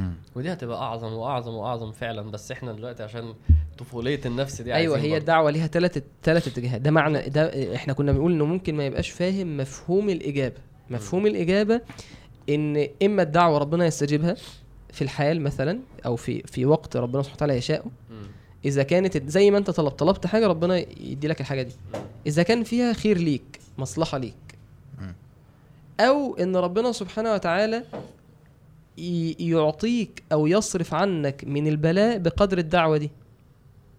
أنت كنت بتدعي بحاجة صح. وربنا سبحانه وتعالى ما استجابش الدعوة دي بس الاستجابة بتاعته إن هو صرف عنك شر أنت ما تعرفش عنه حاجة. لازم طبعا الواحد يستوعب الكلام ده. فعلا. الحاجة الثالثه إن ربنا سبحانه وتعالى لا يستجيب الدعوة في الدنيا. بس يدخرها في الآخر. بس يدخر ليك الأجر في الآخر. ولازم نؤمن بده. أنت كده كده في الآخر فيبقى عندك كده في الاخره. زوجة تانية وتالتة انت ورابعة. انت كده كده كسبان. ده لو انت بتدعي بده بقى يعني لو انت بتدعي بده في سرك الله أعلم أحمد عامل ده حبيت أقول نكتة كده من النكت بتاعتنا. فكاهة يا جماعة. أصل أكيد مراتي مش تسمع لآخر البودكاست. لا لا بهزر فعلا بس يعني فعلا فعلا؟ لا لا بهزر عشان إحنا عايزين دنيا واخره طيب أنا عايز. جرأ قوي عامر بعد ما قعد معانا. عايز أقول على بعد ما قعد مع حازم. قول يا الجان- ال- الحتة اللي أنا بحس إن إحنا محتاجين فعلا نحس بيها خصوصا إن الواحد بيتعرض لشعاب كتير يعني الناس بتقعد تسألنا أسئلة و... وأعمل إيه في كذا وأعمل إيه في كذا ونفسي في كذا ومش عارف إيه. آه، فالبعد بتاع إنه أنت فعلا بتسأل الناس ليه عارف؟ يعني أنت بتسألني أنا ليه. يعني أنا هعمل لك إيه؟ يعني أنا. إيه إيه الفايدة اللي أنت تاخدها مني؟ ما تسأل ربنا سبحانه وتعالى على طول. لا بس أنا أنا بسألك في في, في كارير تشويس يعني أنا عايز يعني أعمل إيه في كل ما ت... اسأل ربنا. يعني أنت ممكن تسأله عادي. يعني أنت ممكن تسأله بكل سذاجة عادي. يا رب أعمل إيه في كذا؟ يعني مش لازم الواحد ي... يحضر صيغة ويدعي باللغة العربية الفصحى عشان ربنا يستجيب. عادي. كويس. يعني ده بكل ده- إن- بساطة يعني. آه إن بكل بساطة إن الإنسان آه. يلجأ لربنا سبحانه وتعالى سألت ويس... فاسأل الله. آه إن يلجأ لربنا ويسأل لربنا إن هو يختار ويوفق وده معنى الاستخارة فعلا. وده ما. يمنعش برضو إن الإنسان يستشير أكيد، أصحاب الخبرات اللي. زيك آه. في الحياة حلو. يعني. أكيد طبعا. مش مش فاستشير قصدي زي- مش قصدي أنا يعني بس قصدي أكيد طبعا ال... ال... إنك تسأل. الناس. بس بس سؤال الناس ده أنا حتى بحس إن هو يعني حتى الحاجات العملية اللي أنا الواحد بيعملها أنا أنا أنا فاهمك بحس جداً. إن هي آه، نجمع بس بين الاتنين. آه فاهمك إن أحيانا بيبقى مثلا حد جاي لك أنا مثلا عندي زي عايز عايزك تحل لي المشكلة أنا م... أيوة، أنا أيوة. م... أنا مش هحل لك المشكلة الحاجات انت محتاج دي- تلجأ لربنا بالظبط. ربنا يحل لك المشكلة أنت عارف الحتة بتاعت برضو إيه ال... ال... الدعاء والأخذ بالأسباب وكده ماشي مم. أنا بحس إن الأخذ بالأسباب هي بس إيه فعلا شوية حركات كده بنعملها وهي فعلا هي م- هي ملاش مش مؤثرة خالص في الموضوع هي وهي- عبودية هي في هي بس هي عبودية. بالظبط كده. هتعملها عشان تتحاسب عليها. بالظبط بالظبط. إنما اللي هيحصل هيحصل عشان ربنا هيقدره. عشان- عشان- بالاسباب دي عشان- غيرها أو بحاجات غيرها. عشان أدعي وأنا مطمن فاهم قصدي. عشان أنا بعملها آه. عشان أدعي وأنا مطمن عشان أعتمد أكتر على الدعاء. يعني فاهم المعادلة دي؟ الجانب التاني هي فكرة ال- الونس. عارف؟ هي فكرة إنه آه، الك- الكلام مع ربنا إنك تتكلم مع ربنا سبحانه وتعالى ده ونس كبير جدا وفعلا الواحد محروم منه يعني وإحنا فعلا مش في غنى عنه خالص. إن أنت آه إن أنت تتكلم وخلاص يا رب أنا آه في حتة جميلة جدا سبحان الله آه في سورة مريم برضو. إن السيدة مريم كانت آه بتقول لربنا آه بتتكلم مع ربنا. تقصد سورة آل عمران عمران، امرأة بالظبط. عمران. آه بالظبط. آه، أمال إيه؟ آل عمران؟ أيوه أيوه. آه. قا- قال نظرت لك ما في نظرت بطني. لك ما في بطني محررا فتقبل مني. أنثى. آه، إنك أنت السميع فلما آه. وضعتها. قالت ربي إني آه، وضعتها آه. أنثى. إني أشكو بثي وحزني إلى الله. آه طبعا. بالظبط ثناء. من الحاجات بقى اللي إيه بقى؟ مناجاه بالظبط هي بتتكلم. هي محظوظين بيها. مين إحنا؟ أهل ال أهل تبلد العاطفة مع الإنس. آه طبعا. أنا بالنسبة لي آه، أنا علاقتي مع ربنا علاقه خاصه جدا عاطفيا عشان أنا فاهم؟ عشان هو الوحيد عشان اللي عارفك وهو الوحيد اللي محدش عارفني انت غير ربنا. بالظبط. يعني فعلا محدش عارفني غير ربنا وما بعرفش أتكلم غير مع في حاجة ما فيش يعني حتى مرات أنت بتعيط؟ أنت أنت بتعيط زي ده؟ آه بس مع ربنا أنا بتكلم مع ربنا. فأنتوا بعيدوا أنتوا بقى فدي من الحاجات اللي آه الحمد لله. عشان كده ما بعرفش أدعي في العلن يعني أنت لو تلاحظوا أنا ما دعيتش في الاعتكاف عشان ما كانش معايا جلابيه دي حاجة تانية. بس آه، لو قلت لي ده مش اللهم ارضى عنا. آه مش هت- لا أنا أنا أنا مش ليه؟ دي ما بعرفش أطلعها الا فالحمد لله يعني. ربنا يزيدك إخلاص يا مولانا إيه، لا أنا ب- بقول حاجة ملموسة والله واقعية يعني. مش بقول إن أنا بعمل أنا بقول مع يعني أنتوا فاهمين اللي فيها ماشي. إنجز إنجز أنتوا فاهمين اللي فيها. طب سبحانك يلا، اللهم بس- وبحمدك. أشهد أن لا إله إلا أنت. أستغفرك وأتوب إليك. خد يا شريف أجر ال- ال- اليوتيوب إعلانات اليوتيوب. شكرا. يلا السلام عليكم.